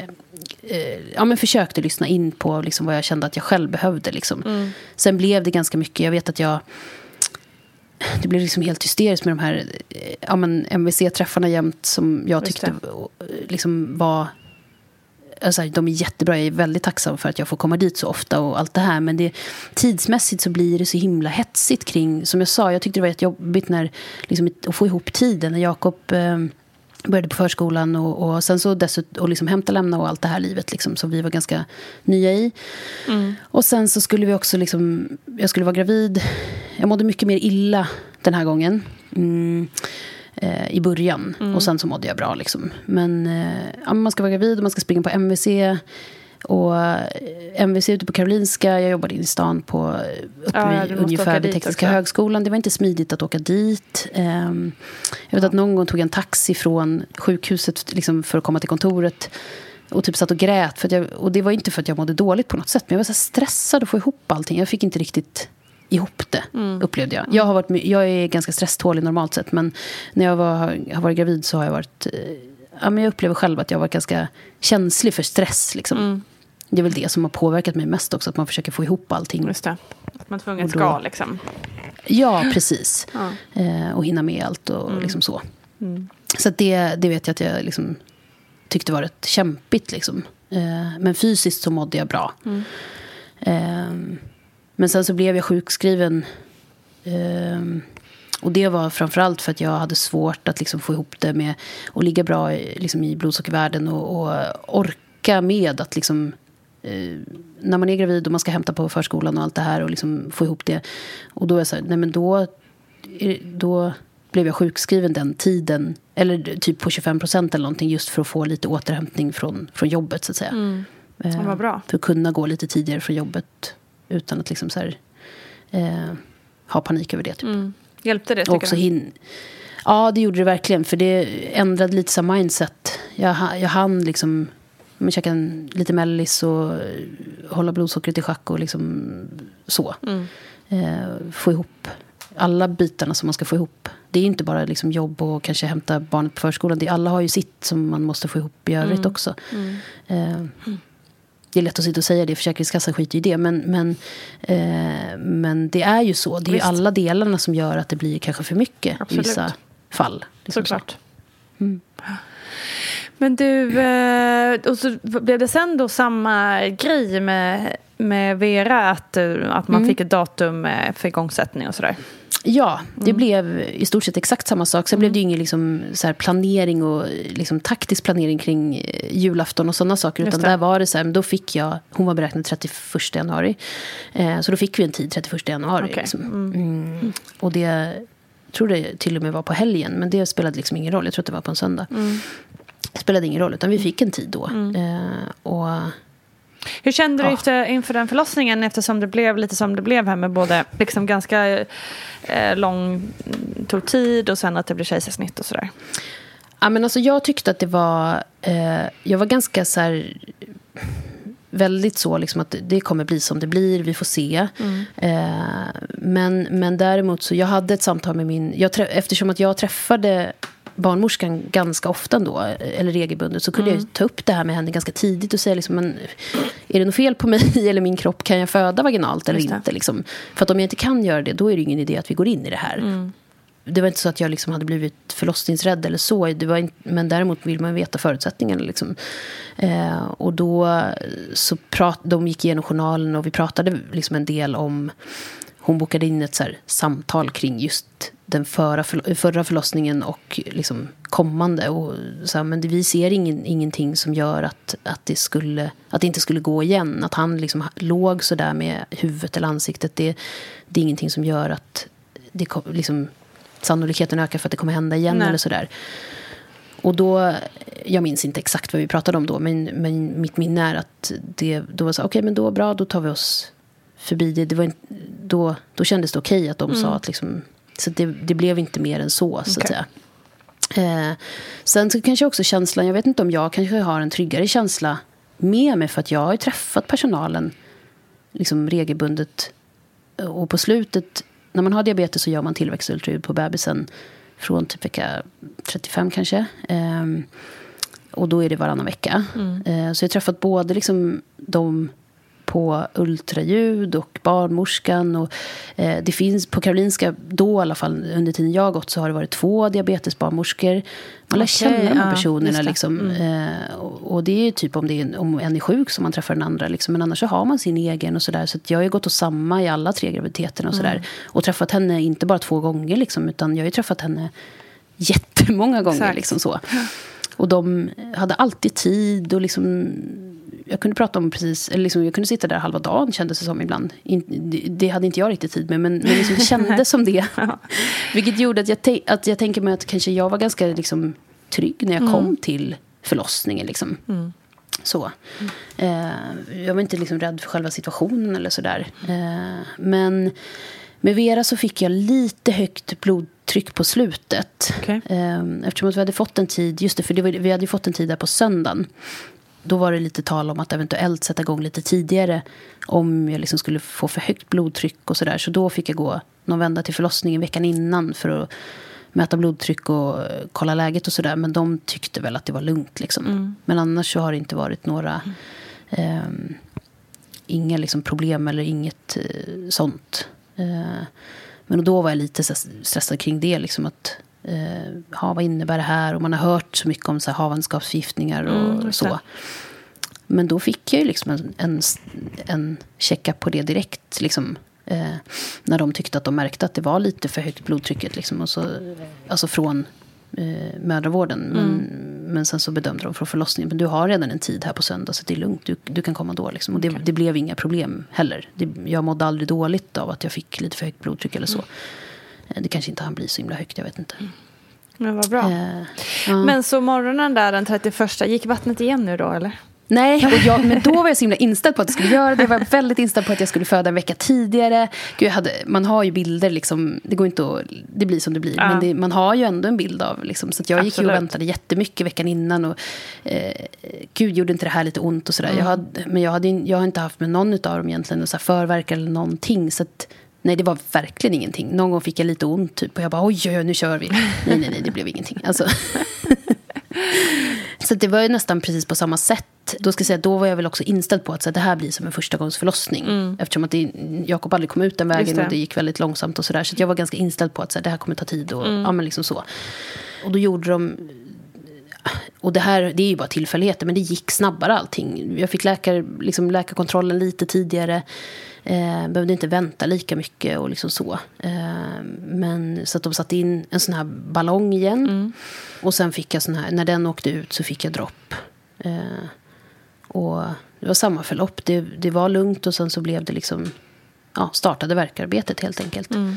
Eh, sen var det där, hade jag fått en, jag, hade liksom, jag vet inte om jag hade hört eller om jag hade liksom fått för mig, jag måste ha hört det någonstans ifrån, men att om man får tre verkar på tio minuter eller vad det var, fyra verkar på tio minuter.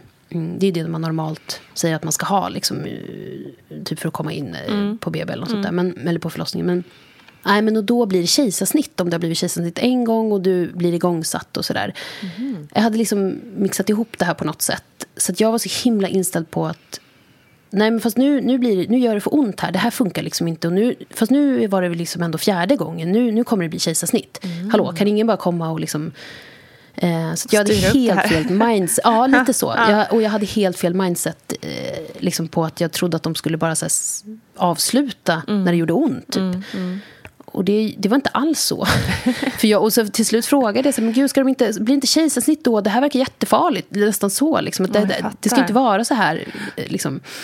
Eh, och hon bara, nej, men alltså, då, då sänker vi ju bara droppet. Mm. Jaha, sa jag. jag blev skitbesviken. för att jag, aha, då får man kämpa vidare här. Liksom. Eh, hade nog egentligen ingenting emot det från början. Men just att jag var så himla inställd på att då, kommer, då blir det kejsarsnitt. Liksom. Det. Mm. Och, det, och då kändes det som att det var lite så här, för min del. Jag ska inte säga att det är det. Men, att så här, men då blir det the easy way out. Bra, då stänger vi av det här verkarbetet. Men så blev det verkligen inte. Och jag, gud, det var helt fel liksom, inställning från min sida. För det, var, det stämde ju inte alls det jag hade fått för mig. Um, men så att vi, jag eh, kämpade på med verkarbete och allting gick ganska smidigt. Det gick snabbare än vad det hade gjort med Jakob och sådär. Mm. Och, och eh, det var väl egentligen, hon öppnade, eller jag öppnade mig till 10 centimeter, eh, alltså inte så himla snabbt men liksom helt normalt. Liksom så. Mm. Eh, men sen kom det aldrig några liksom, krystverkar, det hände ingenting. Ehm, och då, eh, jag visste inte heller vad som väntades eftersom att jag inte hade fött barn. Eller liksom, han hade ju aldrig kommit så långt Nej. så jag visste liksom inte riktigt. Eh, men och då, sa, då kom de in och så sa de det att eh, du får tre timmar på dig eh, till klockan är tre. Liksom. Då var väl klockan tolv. eh, och, och är, är hon inte ute då, då, då plockar vi ut henne. Mm. Eh, jaha, okej. Okay. Ja, tre timmar är skitlångt. Ja, jag vill inte hålla på och försöka krysta i tre timmar. Liksom. Och jag hade fått epidural, så jag kände liksom inte riktigt... Jag hade inte ont på något liksom alls där nere. Så, i, och kände inte alls att det liksom var kryssningar på gång eller någonting sånt. Så det var ju såklart skönt, men det hände ju ingenting. Eh, då, när de tyckte att jag var redo, då sa de nu får du krysta och du får göra det när vi säger till istället för när krystverkarna kommer. Liksom. Mm. Så får du liksom dra igång det här själv, annars så kommer vi plocka ut henne. Och då blev det ganska så här, det blev lite man hörde att tonläget ändrades lite. Att det blev liksom så här, fast nu antingen gör du det här det. och så trycker du ut henne. Liksom, Mm. eller, så, eller så blir det att vi eh, plockar ut henne. Mm. Mm, och då, ja, så, ja okej. Eh, för jag visste ju inte, jag hade ju aldrig fött barn så. Eller liksom, jag hade aldrig varit i den situationen. Så att jag var så här, ja ja, men då gör vi väl det då. Mm. Och det, när de, för då var det ju liksom tre personal där inne och sådär. Så, och då är det ju lätt att göra sånt de säger. Så det var inte svårt. Och det gjorde inte heller ont. Så att, så att det, men, ja, så då eh, krystade jag liksom på beställning. Ehm, Häftigt så ändå. som de... Ja, men ja, jag har liksom inget att jämföra med. Nu har jag ju det, men jag hade inte det då. Så att, mm, och jag vet inte hur, hur, liksom, hur lång tid det tog eller sådär. Men jag vet att Peter, han tittade ut för de öppnade dörren. Någon kom in och så här, och han bara... Ja, alltså, och det sa han efteråt. Han bara, ja, det stod ju typ fem personer där utanför som var redo att komma in. Ja. Ifall det Ifall liksom det inte skulle, skulle gå vara- vägen. Mm. Ja. Eh, men det gick vägen. Eh, så att jag liksom krystade ut henne lite på, liksom, på deras uppmaning. Ja. Eller vad man ska säga. Riktigt teamwork. Ja, men verkligen. Det var ju, det var ju verkligen eh, liksom, eh, coachlätt, får man säga. eh, de de eh, såg till att jag gjorde det som skulle göras. Liksom. Ja. För jag hade ingen, min kropp visste inte alls. Liksom, Men så. coolt att du ändå kunde leverera på det. Liksom. Att man som sagt inte vet och kroppen inte riktigt liksom, var med eh, och ändå lyckades göra det. Det är Jo, mäktigt. nej men absolut. Och det var, ju, det var skönt. Jag vet att det var min verkligen starkaste känsla efteråt när hon hade kommit ut. Att, att jag liksom hade en känsla av revansch. Och att just Mm. att den där att så, ja, men jag gjorde ändå det de... Eller det som behövdes, så att säga. Verkligen. Eh, Otroligt. och att jag fick, ja, men att jag fick en känsla av revansch från den förra gången. Liksom så. Och att jag tyckte att så här, ja, men så här kan man också föda barn. Och det, Mm. det gick jättebra. Ehm, så att det, ja. Hur var känslan då, liksom, i och med att det inte blev lika dramatisk liksom, när, ni, när ni nu fick träffas och ni fick träffas i en mer liksom, kontext där Mm. man kanske ser på filmer och så att man får upp på bröstet Ja, och sådär precis. istället för att ligga ensam i ett uppvak. Liksom. Jo, men det var ju fantastiskt. Eh, och precis så, jag var helt så här eh, fascinerad över att, ja men gud, hon letar liksom efter bröstet direkt, den här lilla bebisen. Och liksom, eh, jag hade inte alls haft det med Jakob, liksom att han, han hade bara liksom eh, han hade ju vant sig vid något annat under de timmarna jag inte var där. Så det var ju helt fantastiskt. Liksom. Eh, det var också väldigt fint liksom, på förlossningen. De, när det liksom var klart och de hade eh, gjort de här första testerna och sådär så ja, men vi fick vara där i flera timmar. Eh, det var ingen så stress eller inget så här, du kan gå och duscha nu eller gå och kissa nu eller vad det är man ska göra innan man får komma upp på BB. Det var lugnt liksom. Eh, vi fick vara där och med, med Vera och liksom vara med henne och, och på det här förlossningsrummet och de hade liksom städat undan. Allt var så himla, det flyter så himla fint, eller flyter så himla bra på förlossningen. De är så himla duktiga, de vet vad de ska göra. Liksom. Och så gav de oss några timmar. Eh, och vi fick den här ja, men brickan med mackan och allt eh, som man ju ska få. eh, för den kom ju aldrig med Jakob. Liksom. Ja, just det. Ja, men då vi liksom fick ta igen oss och, och lyssna på musik tillsammans och liksom väldigt, ja, men vara tillsammans, vi tre. Liksom. Så det var väldigt fint, såklart. Ja, jag var helt chockad över att jag mådde liksom jättebra efteråt. Eh, jag skulle gå på toa och då, då när man ska liksom provkissa innan man blir uppskickad på BB så Mm. eh, reste jag på mig och skulle gå. Och då, nej, nej, gud, vi ska följa med och du ska åka rullstol över korridoren över. Mm. till toaletten. Liksom och, sådär. Eh, och jag förstod liksom inte varför. För att jag Kan kände mig själv. jättestark. Ja. Och det var också en så otrolig så här, revanschkänsla. För att jag var ju så himla, himla svag efter Jakob. Eh, eh, så jag, och jag, men ja, det, jag blev lite svagare sen. Men, men, men just den där känslan efteråt. Då känn, och jag vet att det är många som har sagt det när man har fått barn. Att man liksom känner sig helt eh, oövervinnerlig. Och det kände jag mig verkligen. Så jag kände mig stark. Liksom. Och det var väldigt häftigt att få känna så också.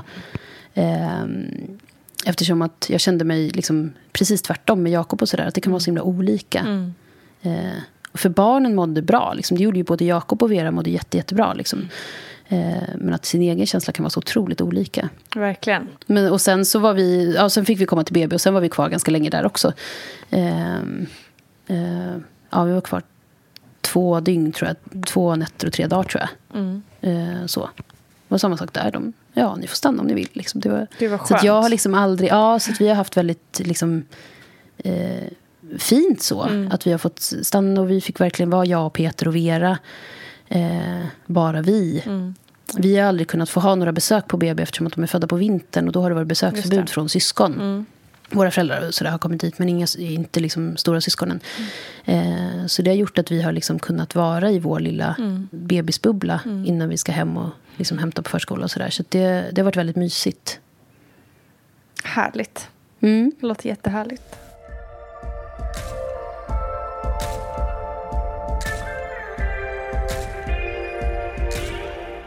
Och nu hände det något som var inte så förväntat. Nej, precis. Ehm, det var när Vera var ja, drygt ett år och det gick mot eh, ja, men du vet, så maj, juni där man är rätt eh, slutkörd ofta. Mm. Eh, fram mot midsommar, man ska leverera på jobbet och bli klar med allt och liksom så. Jag hade gjort en ganska stor förändring arbetsmässigt och sådär. Så, eh, jag var hemma med Vera och jobbade samtidigt. Och, ja, jag trodde att jag var på väg in i väggen. Eh, vilket jag också tänkte att det var inte så konstigt om jag går in i väggen nu. Eh, med de här två barnen och liksom så. Jag tyckte också hela tiden... Jag tyckte att det var rätt tufft att få liksom andra barnet och hela den grejen. Och liksom, mm. Ehm, sådär. Så jag hade inte landat i någonting tror jag egentligen när hon var drygt ett år. Mm. Och jag liksom ja, men, mådde rätt kast liksom. Och sen, och sen till slut så... Ja, lång historia kort. Men, ja, men jag var gravid liksom. Mm. Eh, och vi var helt chockade. Helt chockade. Eh, vi förstod liksom ingenting. Alltså jag vet ju hur barn blir till, men ja. vi, vi var som två tonåringar. Vi bara så fnissade oss igenom liksom hela sommaren där. Det var så konstigt allting. Eh, men det är helt fattade otroligt. verkligen ingenting.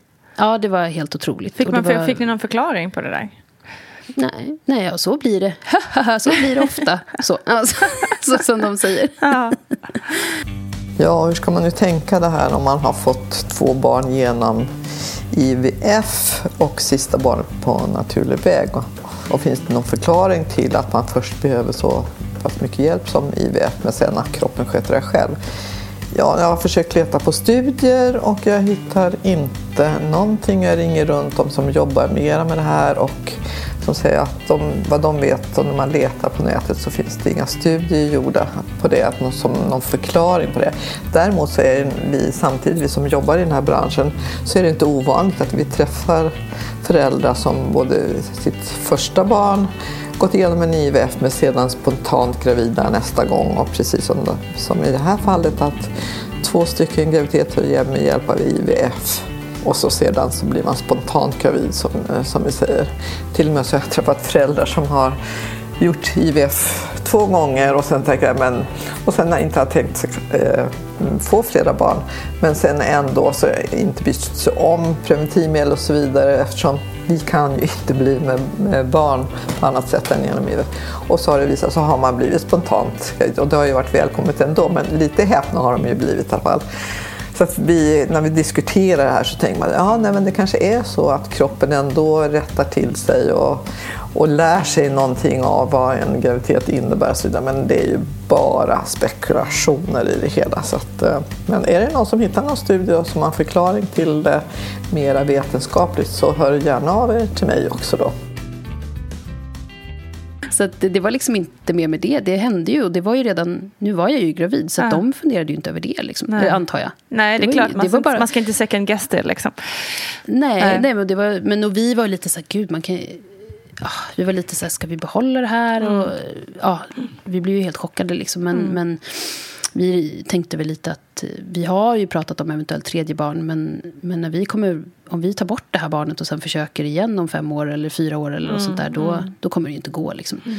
Eh, så att, eh, ja, det var egentligen helt självklart för oss att behålla det. Men man blir ju ändå liksom lite, mm. lite chockad. Mm. Kan man ändå säga mm. att vi blev. Det är inte så konstigt tänker jag. Efter Nej. två EVF. Nej. Vi var så himla inställda. Liksom, vår inställning var ju liksom att vi kan inte få barn Nej. själva heller. Så det var ju väldigt liksom... Allting blev väldigt, väldigt speciellt. Liksom. Men, eh, ja. Otroligt. Mm, ja, faktiskt helt otroligt. ja. Mm. ja, herregud. Det är liksom... Nej, det är sånt man inte få höra om så ofta, känner jag. Jätte Nej, men, men om man ska tro på mödravården så händer det ju så hela händer tiden. Det hela. Men, Jo, exakt. Jo, men precis. Jo, man får ju höra det i och för sig. Att så här, man kickar igång det själv på något vis. Ja, precis. Och alla såna här härliga ja. förklaringar. Ja. Det känns väldigt vetenskapligt. Ja, verkligen. Men vi är inte så himla liksom vetenskapligt lagda kanske jag Nej. man verkligen inte liksom läkarämnen. Så att vi var bara så här, ja nu blev det så. Mm. Eh, Det var inte mer med det liksom. Nej. får man bara Eh. tacka och ta emot. Mm. Ja, precis. precis. Men, eh, och, och hur var den graviditeten sen då, när, när ni liksom väl Ja, men alltså- fnissat er igenom och insett Ja, att det men faktiskt var så var det här? ju väldigt konstigt allting. Ja. Men sen så under, jag tror att det var i augusti eller september, början av september så skulle vi göra, augusti var det nog, skulle vi göra eh, rutinultraljud. Och vi hade ju aldrig, eftersom att vi hade gjort liksom IVF och sådär, så de här rutinultraljuden tidigare, det hade ju inte varit tal om att liksom flytta tillbaka BF eller sådana grejer, utan allt var ju noga uträknat. Så Ja. vi, alla våra gravid, eller liksom, graviditeterna innan hade varit väldigt så här, kliniska. Inga liksom så här, ja så här eller så här eller så. Allting var väldigt uppstyrt och eftersom att då jag gick på mödravården hela tiden så var det väldigt liksom kontrollerat allting. Men eh, så på rutinultraljudet så märkte, eller tyckte de att hon var alldeles för liten för att vara i den veckan som jag var i. Liksom. Jag hade gjort kubbtestet för att vi var äldre nu. Vi hade inte gjort det med de andra, men eftersom att vi var lite äldre och sådär. Så, Och eftersom att det var våra...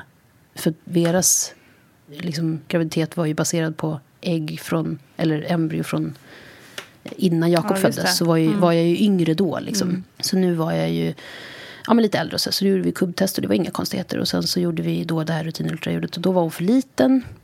Eh, och de pratade om att eventuellt flytta tillbaka tiden. Eller, ja, jag kan inte de här termerna heller. Men, men eh, ja, vi fick komma tillbaka veckan efter i alla fall. För att göra en, liksom en ny eh, beräkning. Eh, och då tyckte de att hon var alldeles för liten då också. Jaha, okej. Och Ja, men nu har vi gjort två ultraljud så nu får ni gå till läkaren nästa vecka istället. Jaha, okej, vad, vad innebär det? Eller, ja, nej, men för det gör man om man har gjort två stycken. Så att, det- för att vi inte kan bestämma själva. Liksom så.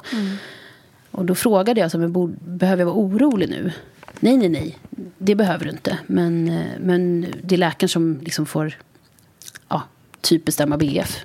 Det var lite så det lät. okej. Mm. Eh, hur, hur långt gången den här bebisen är. Liksom. Och vi visste ju inte heller när, när jag hade blivit gravid. Så egentligen var det inget konstigt. Liksom. Men eh, eh, ja, så gick vi till läkaren nästa vecka. Så det var liksom tre ultraljud på tre veckor. Och eh, bara det, det skapar liksom en oro. Såklart. Och hon var, så visade det sig att hon var alldeles för liten mot vad hon borde vara. Eh, och då, så det blev väldigt speciellt. För vi hade precis liksom börjat glädjas, glädjas åt, åt den här graviditeten. Och liksom så här, ja gud vad mysigt det ska bli. Det här blir toppen. Liksom. Eh, så. Att vi hade landat där under den där konstiga sommaren. Liksom. Eh, och, då, och så, så här, nej men hon är jätteliten och det kan bero på det här och det här och det här. Det var liksom tre eller fyra orsaker som kunde vara. Första orsaken var liksom att det kan vara så ibland. Och det lyssnar man ju inte på. Nej, nej. Eh, andra orsaken var väl... eh, Ja, det kunde vara liksom någon infektion. Och jag hade ju varit hemma i Sverige. Så det var väl inte så troligt. eh, Typ malaria och sådana saker. Mhm, Ehm, Och det, det, det kollar man snabbt på ett blodprov. Så det var liksom ingen big deal. Och sen var det... Ja, det kunde också bero på typ flödet från eh, moderkakan. Men det kunde de liksom inte se att det var något fel på. Um, allt såg bra ut vad gäller flödena och sådär. Så, och, så, ja, och då det sista kunde ju vara, det kan ju också bero på en kromosomavvikelse eller kromosomförändring. Jaha, vad innebär det? Så hade vi ett långt samtal och, och, eh, kring det här. Och I min värld så blev det liksom, jag hakade upp mig lite, eller ganska mycket på att det här liksom var, skulle bli någon typ av handikappbebis. Eh, som liksom inte skulle komma ut och vara frisk. Eh, och då avslutades det här läkarbesöket det var en fantastisk läkare, ska jag säga. Men, men det avslutades med att liksom, ja, nej, men om ni vill avsluta den här graviditeten eh, då måste ni göra det inom en vecka. För att det är ju de här, jag vet inte exakt vilken vecka det är, men man måste ansöka hos Socialstyrelsen att få avsluta en graviditet efter en vecka, vad det nu är. Eh, och då skickar man då den här ansökan till Socialstyrelsen, säg på fredagen eller på måndagen eller något sånt där. Och det måste ni göra då. Så ni måste höra av er till mig senast torsdag eller något sånt där. Jahopp. Eh, så det blev så himla konstigt allting. Liksom. Vi hade inte, ja, det är klart att vi inte hade förväntat oss liksom, att höra det. Eh, ja. men eh, ja, och det blev också så himla så här, jaha, nu blev, allt blev så liksom, nu hade vi precis landat i det här och så, här, så blev det liksom, jaha, då är det liksom inte ett friskt barn som ligger Mm, där. mm. Eller är det det? Eller hur ska vi liksom, och han bara, nej men han kan ju inte säga några liksom beräkningar eller någonting på, eller liksom någon uppskattning på om det är ett friskt eller sjukt barn och sådär. Han kunde verkligen vi- inte säga det alls liksom. Nej, nej han såg, för all, allting annat såg normalt ut. Ja. Det var den här att hon var jätteliten. Liksom. Mm. Hon skulle ligga på, just nu ligger hon på 40 minus. Och, och eh, fortsätter hon göra det så, så är hon, då är hon ju alldeles för liten. Liksom. Eh, men det kan ju också vara så att hon följer en kurva och att hon växer. Det vet vi inte. Hon är då, det här var väl, jag antar att vecka 2021 eller något sånt där. Det är då man gör rutinultraljud. Liksom. Eh, sen åkte vi, ja, då åkte vi hem liksom och satt i bilen. Jag satt och grät i bilen och Peter... Det var ganska skönt att ha honom. Han är ganska liksom, krass i saker. Jag brukar också kunna vara det, men jag var väl eh, så här... Jaha, vad fan ska vi göra liksom? Ehm, och han var så här, ja fast helt ärligt, vi kan inte ta bort ett barn som vi liksom... Som kanske är sjukt, men som kanske också är friskt. Ja. Ehm, och det var ganska liksom, vi hade nog bestämt oss hela, liksom redan från början att så, vi kommer inte ta bort det här barnet. Ehm, men det var ganska liksom, det var ändå så svårt att hantera. Mm, såklart. Ehm, det, det var ganska skönt att ha Peter, han var så himla liksom handfast i det att så här, eh, nej fast vi, tar in, vi kan inte ta bort ett barn som vi eh, faktiskt någonstans jättegärna vill ha. Mm.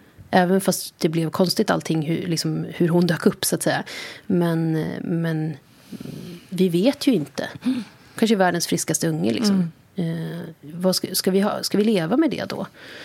Ehm, ja, så att, ehm, men sen följde ju liksom... Vi gick på något... Någon, jag tror vi gick på något läkarbesök eller något sånt där typ veckan efter. Och sen så var det så här, ja men nu är hon så liten. Om hon, och det var också så här... Ja men ni får en läkartid om fem veckor liksom. Typ vecka 25 eller 26 eller något sånt där. Och, Alltså ja, får vänta så länge till nästa träff. Liksom. Ja, precis. Och då skulle de göra nästa tillväxtultraljud. För då börjar de med tillväxtultraljud så tidigt. Och, och, men varför kan ni inte göra det tidigare? Liksom? Nej, men alltså dels behöver vi... Man måste, behöver två veckor emellan för att göra tillväxtultraljud tydligen. För att kunna se en tendens. Liksom. Ja, okej. Men sen var det väl också så här att... Ja, men om det är ett barn som är så liten. Om hon inte... Om hon liksom vill inte klara sig i magen för att flödena är för dåliga. Eh, då, då kommer hon inte överleva i vecka 22 liksom, eller 23. Så det spelar liksom ingen roll. Och det lät ju hemskt. Ska jag gå runt med ett dött barn i magen i tre veckor då? Eller? Men det var också så här ganska skönt på något sätt. För vi kunde inte påverka den här situationen alls. Det spelade ingen roll hur mycket ultraljud vi sprang på. För att om hon inte skulle leva så, så, så var det liksom så på något sätt. Det låter lite konstigt. Men, men det, var, det var ganska tufft den tiden. Det var en tuff graviditet på det sättet. Jättetuff. Eh, och jag tyckte att det var tufft. Eh, mycket värre än vad liksom Peter tyckte eller vad andra tyckte tror jag. Eh, men eh, ja. ja, det var en tuff graviditet. Liksom. Men hon eh, växte långsamt. Hon gick, gick upp i vikt hela tiden. Och det blev plus på de här ultraljuden. Liksom, eller på de här kurvorna. Flödena såg i stort sett liksom jättebra ut hela tiden. Så det var det skapade jättemycket liksom förvirring hos mig. Men de hos sjukvården så var det så här, de bara, gud det här är helt perfekt, allt är jättebra och så där. Så att jag, jag, till slut kände jag så här, men jag måste gå dit varje gång och säga att det här är kaos i mitt huvud, liksom. jag, eller i min själ. Typ. Jag tyckte att det var jätte, jättejobbigt och jag var jätteorolig. Eh, och de bara pratade om hur fint allt såg ut och bättre och bättre hela tiden. Och jag bara så här, fast hon kan inte, och jag liksom hade läst om så prematura bebisar och, och jättesmå bebisar kan inte överleva om man föder vaginalt. Och liksom alla de här grejerna som man liksom snappar upp. Eh, och vi, men då hade vi, för det här var ju liksom under hösten, hon var beräknad i januari. Så det här var under hösten och då var, hade vi liksom som målsättning att kunna fira jul hemma. Fira Jakobs födelsedag och fira jul hemma. Liksom, och typ att komma till vecka 30 när vi gjorde det, det var någon gång i november tror jag. Det var så här, men gud, allt ser fint ut. Liksom. Det var, det var så helt fantastiskt. Fast, och det är ju väldigt, man blir så lycklig i det lilla, liksom, för ingenting var ju liksom klart. Men det var... Eh, Ändå en milstolpe liksom. Ja, det var en milstolpe verkligen. Och det var ju bara för oss. Liksom. Eh, det påverkade ju oss mest. Eller ja, mig kanske, men så. Eh, vi fick fira jul hemma, för hon låg kvar i magen och mådde bra. Flödena såg fortsatt bra ut och sådär. Så vi firade jul och födelsedag hemma och sådär. Och, mm.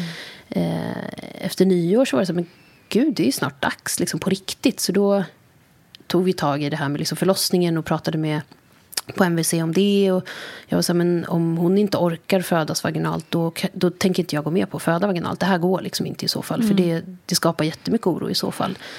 Och då hade jag ett så himla fint samtal med min barnmorska. Mm, och hon var så här, hon öppnade upp för alla liksom, eh, ja, men möjligheter. Och liksom, du får prata med... Jag har en läkare som jag tycker så mycket om här på kliniken. Och du får prata med honom om du tycker att det känns jobbigt. Eh, eh, och verkligen så här... Och det finns ingen, för nu är hon så pass stor. Hon liksom hade blivit så pass stor att mm. det, då är det inte en större risk längre tydligen att föda vaginalt. Och så här, det är när de är liksom pyttesmå kanske. Mm. Jag, jag, jag, vet inte. Eh, så att, så att, eh, och det samtalet landade liksom i att nej men jo, men jag kan absolut tänka mig att föda vaginalt. Eh, och de var så här, känner du att det här går inte? Vi har ett team som backar upp. Liksom. Eh, går någonting snett under, under förlossningen, då plockar vi ut henne direkt. Och bara vetskapen om att mm. veta det gör ju att man mm. säger, nej men okej, men då kan jag slappna av i det. Mm. Liksom. Ehm, så det, ja, jag är glad att jag kunde säga, eller liksom sätta ord på det jag Verkligen. kände. Att jag vågade säga att jag var orolig. Och att jag tyckte att det kändes skit många gånger. Liksom. Mm. Ehm, för då, jag upplever att de verkligen lyssnade på mig. Liksom, eh, och tog till sig av det jag sa. Ehm, ja, så sen blev det liksom, då fick det precis som de, med de andra, så fick mm. vi ett datum mm. på, en, på eh, igångsättning.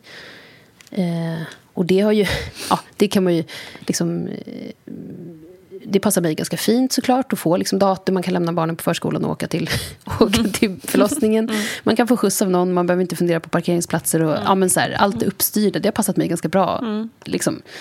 Ehm, så. så att vi åkte dit och fick liksom... Och jag var så här, då var jag jättetydlig med att säga direkt att det här är, jag vet inte hur den här bebisen kommer må. Det här, kommer liksom vara, det här är jobbigt för mig. Liksom. Men allting gick till precis så som det har gjort förut. Att vi ja, men vid en lökarundersökning så satte de in en sån här ballong igen. Eh, de funderade på någon annan lösning innan, men jag kommer inte ihåg vad det var. Men, men de kom fram till att den här ballongen var liksom det bästa. Mm. Eh, och det gick jättesnabbt för den. Det tog kanske en och en halv timme liksom innan den åkte ut. Eh, och sen så satte de in såna dropp. Och ja, nu kommer jag inte exakt ihåg liksom hur lång tid allting tog. Men där blev det väldigt... Eh, ja, men jag fick första liksom, lite molande och lite så eh, från början. Så om man tänker på de här liksom blixtverkar eller liksom attackförlossning. Det var verkligen Nej. inte liksom... Den här förlossningen gick väldigt, väldigt fort. Mm. Ja, då hade jag också fött barn precis två år innan. Så att, men men eh, det, alltid gick så här jättesmidigt. Liksom. Det, det, för, och det kommer jag såklart ihåg mest eftersom att hon är senast. Men det började molande och sen så, jag hade också fått, de hade skrivit in i journalen att jag skulle få epidural, eller så EDA snabbt eller något sånt där hade de skrivit. Mm. Och de kom in redan liksom vid första samtalet typ och så här, ja men du vill ha epidural så tidigt som möjligt, vill du ha det nu på en gång? Eller, och jag nästan skrattade liksom, men, ja, nej men det får man inte liksom. Just det, ja.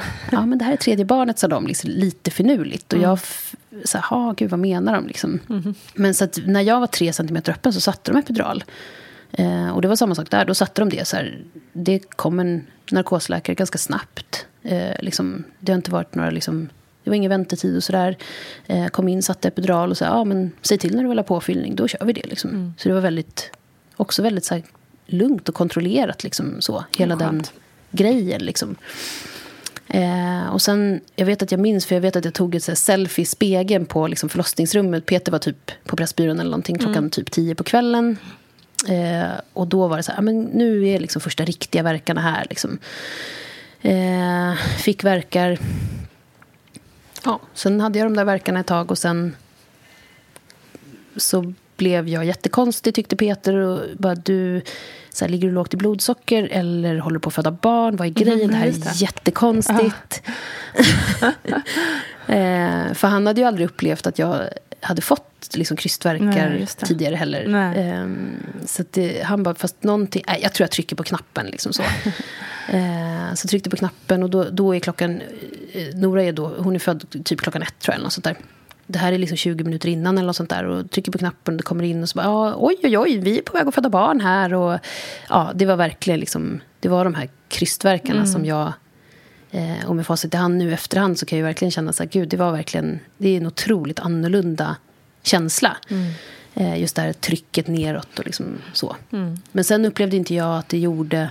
Alltså det gjorde ont, det gjorde det verkligen. Det var inte toppen liksom så. Men, men eh, jag tycker nog det liksom vanliga verkarbetet är kanske liksom värre egentligen, upplever jag. Smärtmässigt liksom. Men sen så krystade jag tre gånger och sen kom hon ut. Wow. Eh, Så det var helt eh, hysteriskt. Liksom. Eh, och de, jag minns väl när barnmorskan kom in och ropade till någon utanför att säga, okej men ring typ Gabriella. Eh, för tydligen om man har fött barn och har kejsarsnitt eller vad det var så skulle det vara två barnmorskor i rummet eller något sånt där, jag kommer inte ihåg. Men, och sen så, liksom när, när bebis hade kommit ut så sa den här barnmorskan, hon var en helt fantastisk äldre barnmorska med världens finaste liksom, handlag, ganska tuff liksom så, det passade mig. Eh, hon bara, ja, och Gabriella, hon, hon hann inte komma, henne såg vi inte röken av. eh, så då var vi väldigt så här, oj gud vad snabbt allting gick, liksom, lite så här, tagna på sängen nästan, att det gick så himla himla snabbt. Vilken väldigt grej. skönt. Ja, men eh, jag tror att det också var skönt, för att det var så här, det är tredje, det är sista barnet, Eh, skönt att det gick så snabbt. Vi fick inget trauma av det. Det ska inte komma några fler bebisar. där. Nej, men lite så var nästan känslan. Men, men då var ju framförallt känslan, för så fort hon kom ut så var känslan liksom, är hon frisk? Eh, hur, hur är det? Nu har det gått så snabbt så att jag hade liksom glömt bort hela den orosgrejen liksom då. Men så fort hon kom ut, och då var det så här, ja men hon, den här flickan som jag får på, på mitt bröst nu, hon är stark och frisk. Och det var helt fantastiskt. Liksom. Gud vad härligt. Alltså vilken Ja. lättnad. Mm, ja, men det var, det var verkligen otroligt. Ehm, och jag vet för då sa barnmorskan också att men vill du att jag ska kalla hit ehm, barnläkaren eller hur ska vi, liksom, för de kan komma och kolla direkt liksom, för det hade vi sagt att jo men det kanske vi vill och sådär. Och jag bara nej men det behövs inte. Eh, och den känslan är väldigt stark när man säger nej men det här det behövs inte. Det kanske liksom visar sig att hon har jättemycket konstigheter för sig sen. Men, men just nu så är hon bara stark och frisk. Och här Och det var liksom. väldigt fint. Ja. Gud, Hon levde fint. ju liksom och var... Ja. Ja. så. Så det var, ja, det var otroligt faktiskt. Det var väldigt härligt. Ehm, samma sak där. Då fick vi liksom... Ja, men det var väldigt lugnt efteråt. Eh, fick vara där inne i några timmar. Och då, det var väldigt mysigt. För då låg vi och lyssnade på typ en eller två låtar på repeat. Och bara så här, låg och pratade om allting. Och låg och grät liksom, med den här lilla flickan i famnen. Liksom. Det var fantastiskt. Viktig Ehm. insikt kanske också att komma till. Liksom, att viktigast är man bara att, att hon är här och att ni får vara tillsammans. Jo, att det liksom. kan gå bra. Liksom. Det var jävligt kämpigt liksom, hela hösten och det var tufft. Men det var också så här, men det, det, det kan bli bra. Liksom. Man vet faktiskt inte, men att det liksom kanske pekar åt att det är dåligt innebär inte att det blir dåligt. Nej, det. Eh, det här är ju saker som man inte kan påverka. Det är inte så att jag menar att man ska tänka att det blir bra och då blir det det. Det är inte Nej. det jag menar. Men, men det var väldigt fint att, att, liksom, att få det i knät. Liksom att, så här, men det, man ska inte alltid kanske tänka det värsta. För det behöver inte vara det. För det blev ju jätte, jättefint, liksom, jättebra. Eh, så. så det var väldigt Och har det härligt. också blivit bra? Eller har det liksom... Ja, ja jo, efteråt? absolut. Mm. Ehm, eh, vi säger det ibland att så här... Eh, ja, men gud vad, hon, Du vet, små barn, ibland har de konstiga beteenden för sig. Liksom, och man bara, gud, åh, ibland, man är lite mer vaksam med henne. Ja, liksom. ja. Men hon, eh, hon är så frisk och mår Mm. jätte... Eller liksom är väldigt... Eh, eh, alltså, kromosomförändringen kan ju visa sig liksom långt senare och sådär. Mm. Men rent i, i majoriteten av hennes... Liksom, eh, hon är frisk. Mm. Så. Och hon, är, hon är, liksom, har inga konstigheter för sig, så att säga. Kan Mm. vi bli, de blir ju vad de blir sen, barnen. Liksom. Men, men eh, än så länge så är allting Mm. väldigt bra. Så. Skönt.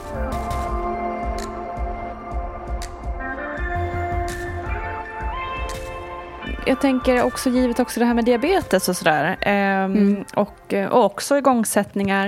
Eh, är det något som du vill eh, liksom tipsa om eller eh, att man ska tänka på kanske?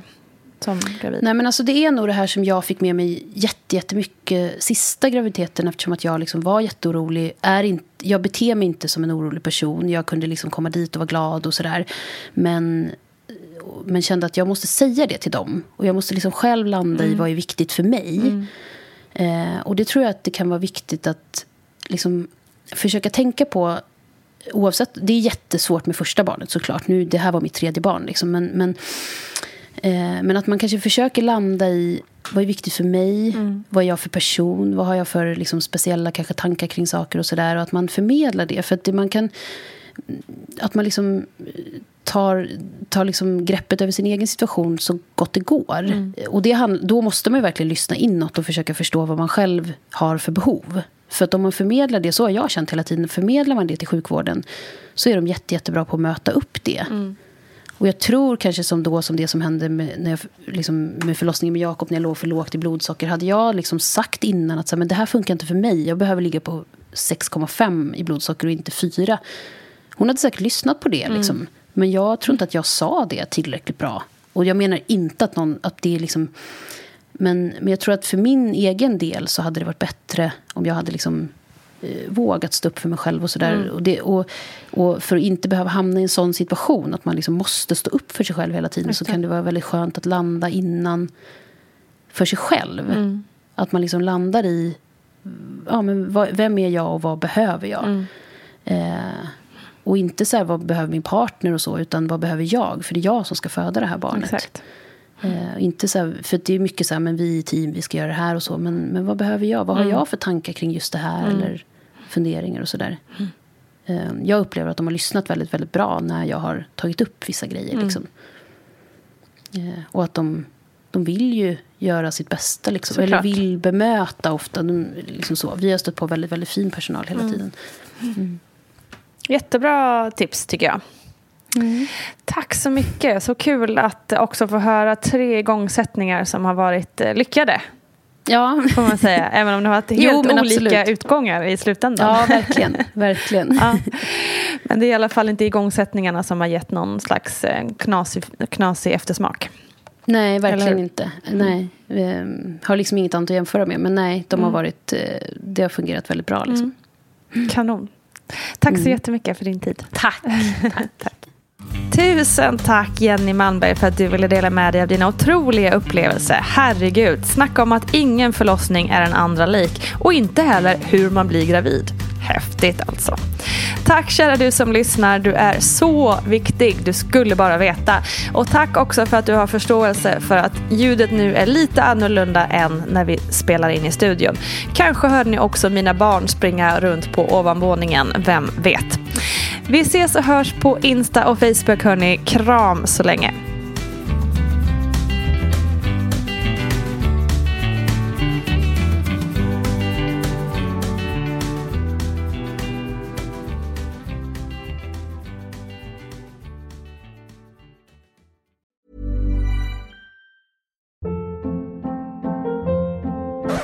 Up. What was that? Boring. No flavor. That was as bad as those leftovers you ate all week. Kiki Palmer here, and it's time to say hello to something fresh and guilt-free. Hello Fresh. Jazz up dinner with pecan-crusted chicken or garlic butter shrimp scampi. Now that's music to my mouth. Hello Fresh. Let's get this dinner party started. Discover all the delicious possibilities at hellofresh.com. Imagine the softest sheets you've ever felt. Now imagine them getting even softer over time. That's what you'll feel with Bowl and Branch's organic cotton sheets. In a recent customer survey, 96% replied that Bowl and Branch sheets get softer with every wash. Start getting your best night's sleep in these sheets that get softer and softer for years to come. Try their sheets with a 30-night guarantee. Plus, get 15% off your first order at bowlandbranch.com. Code BUTTERY. Exclusions apply. See site for details.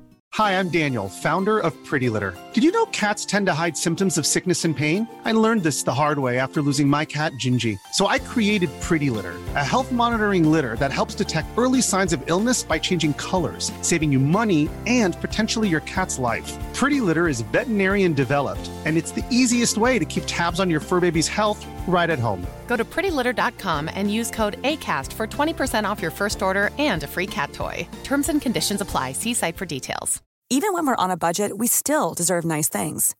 Quince is a place to scoop up stunning high end goods for 50 to 80% less than similar brands. They have buttery soft cashmere sweaters starting at $50, luxurious Italian leather bags, and so much more. Plus, Quince only works with factories that use safe, ethical, and responsible manufacturing. Get the high-end goods you'll love without the high price tag with Quince. Go to quince.com slash style for free shipping and 365-day returns.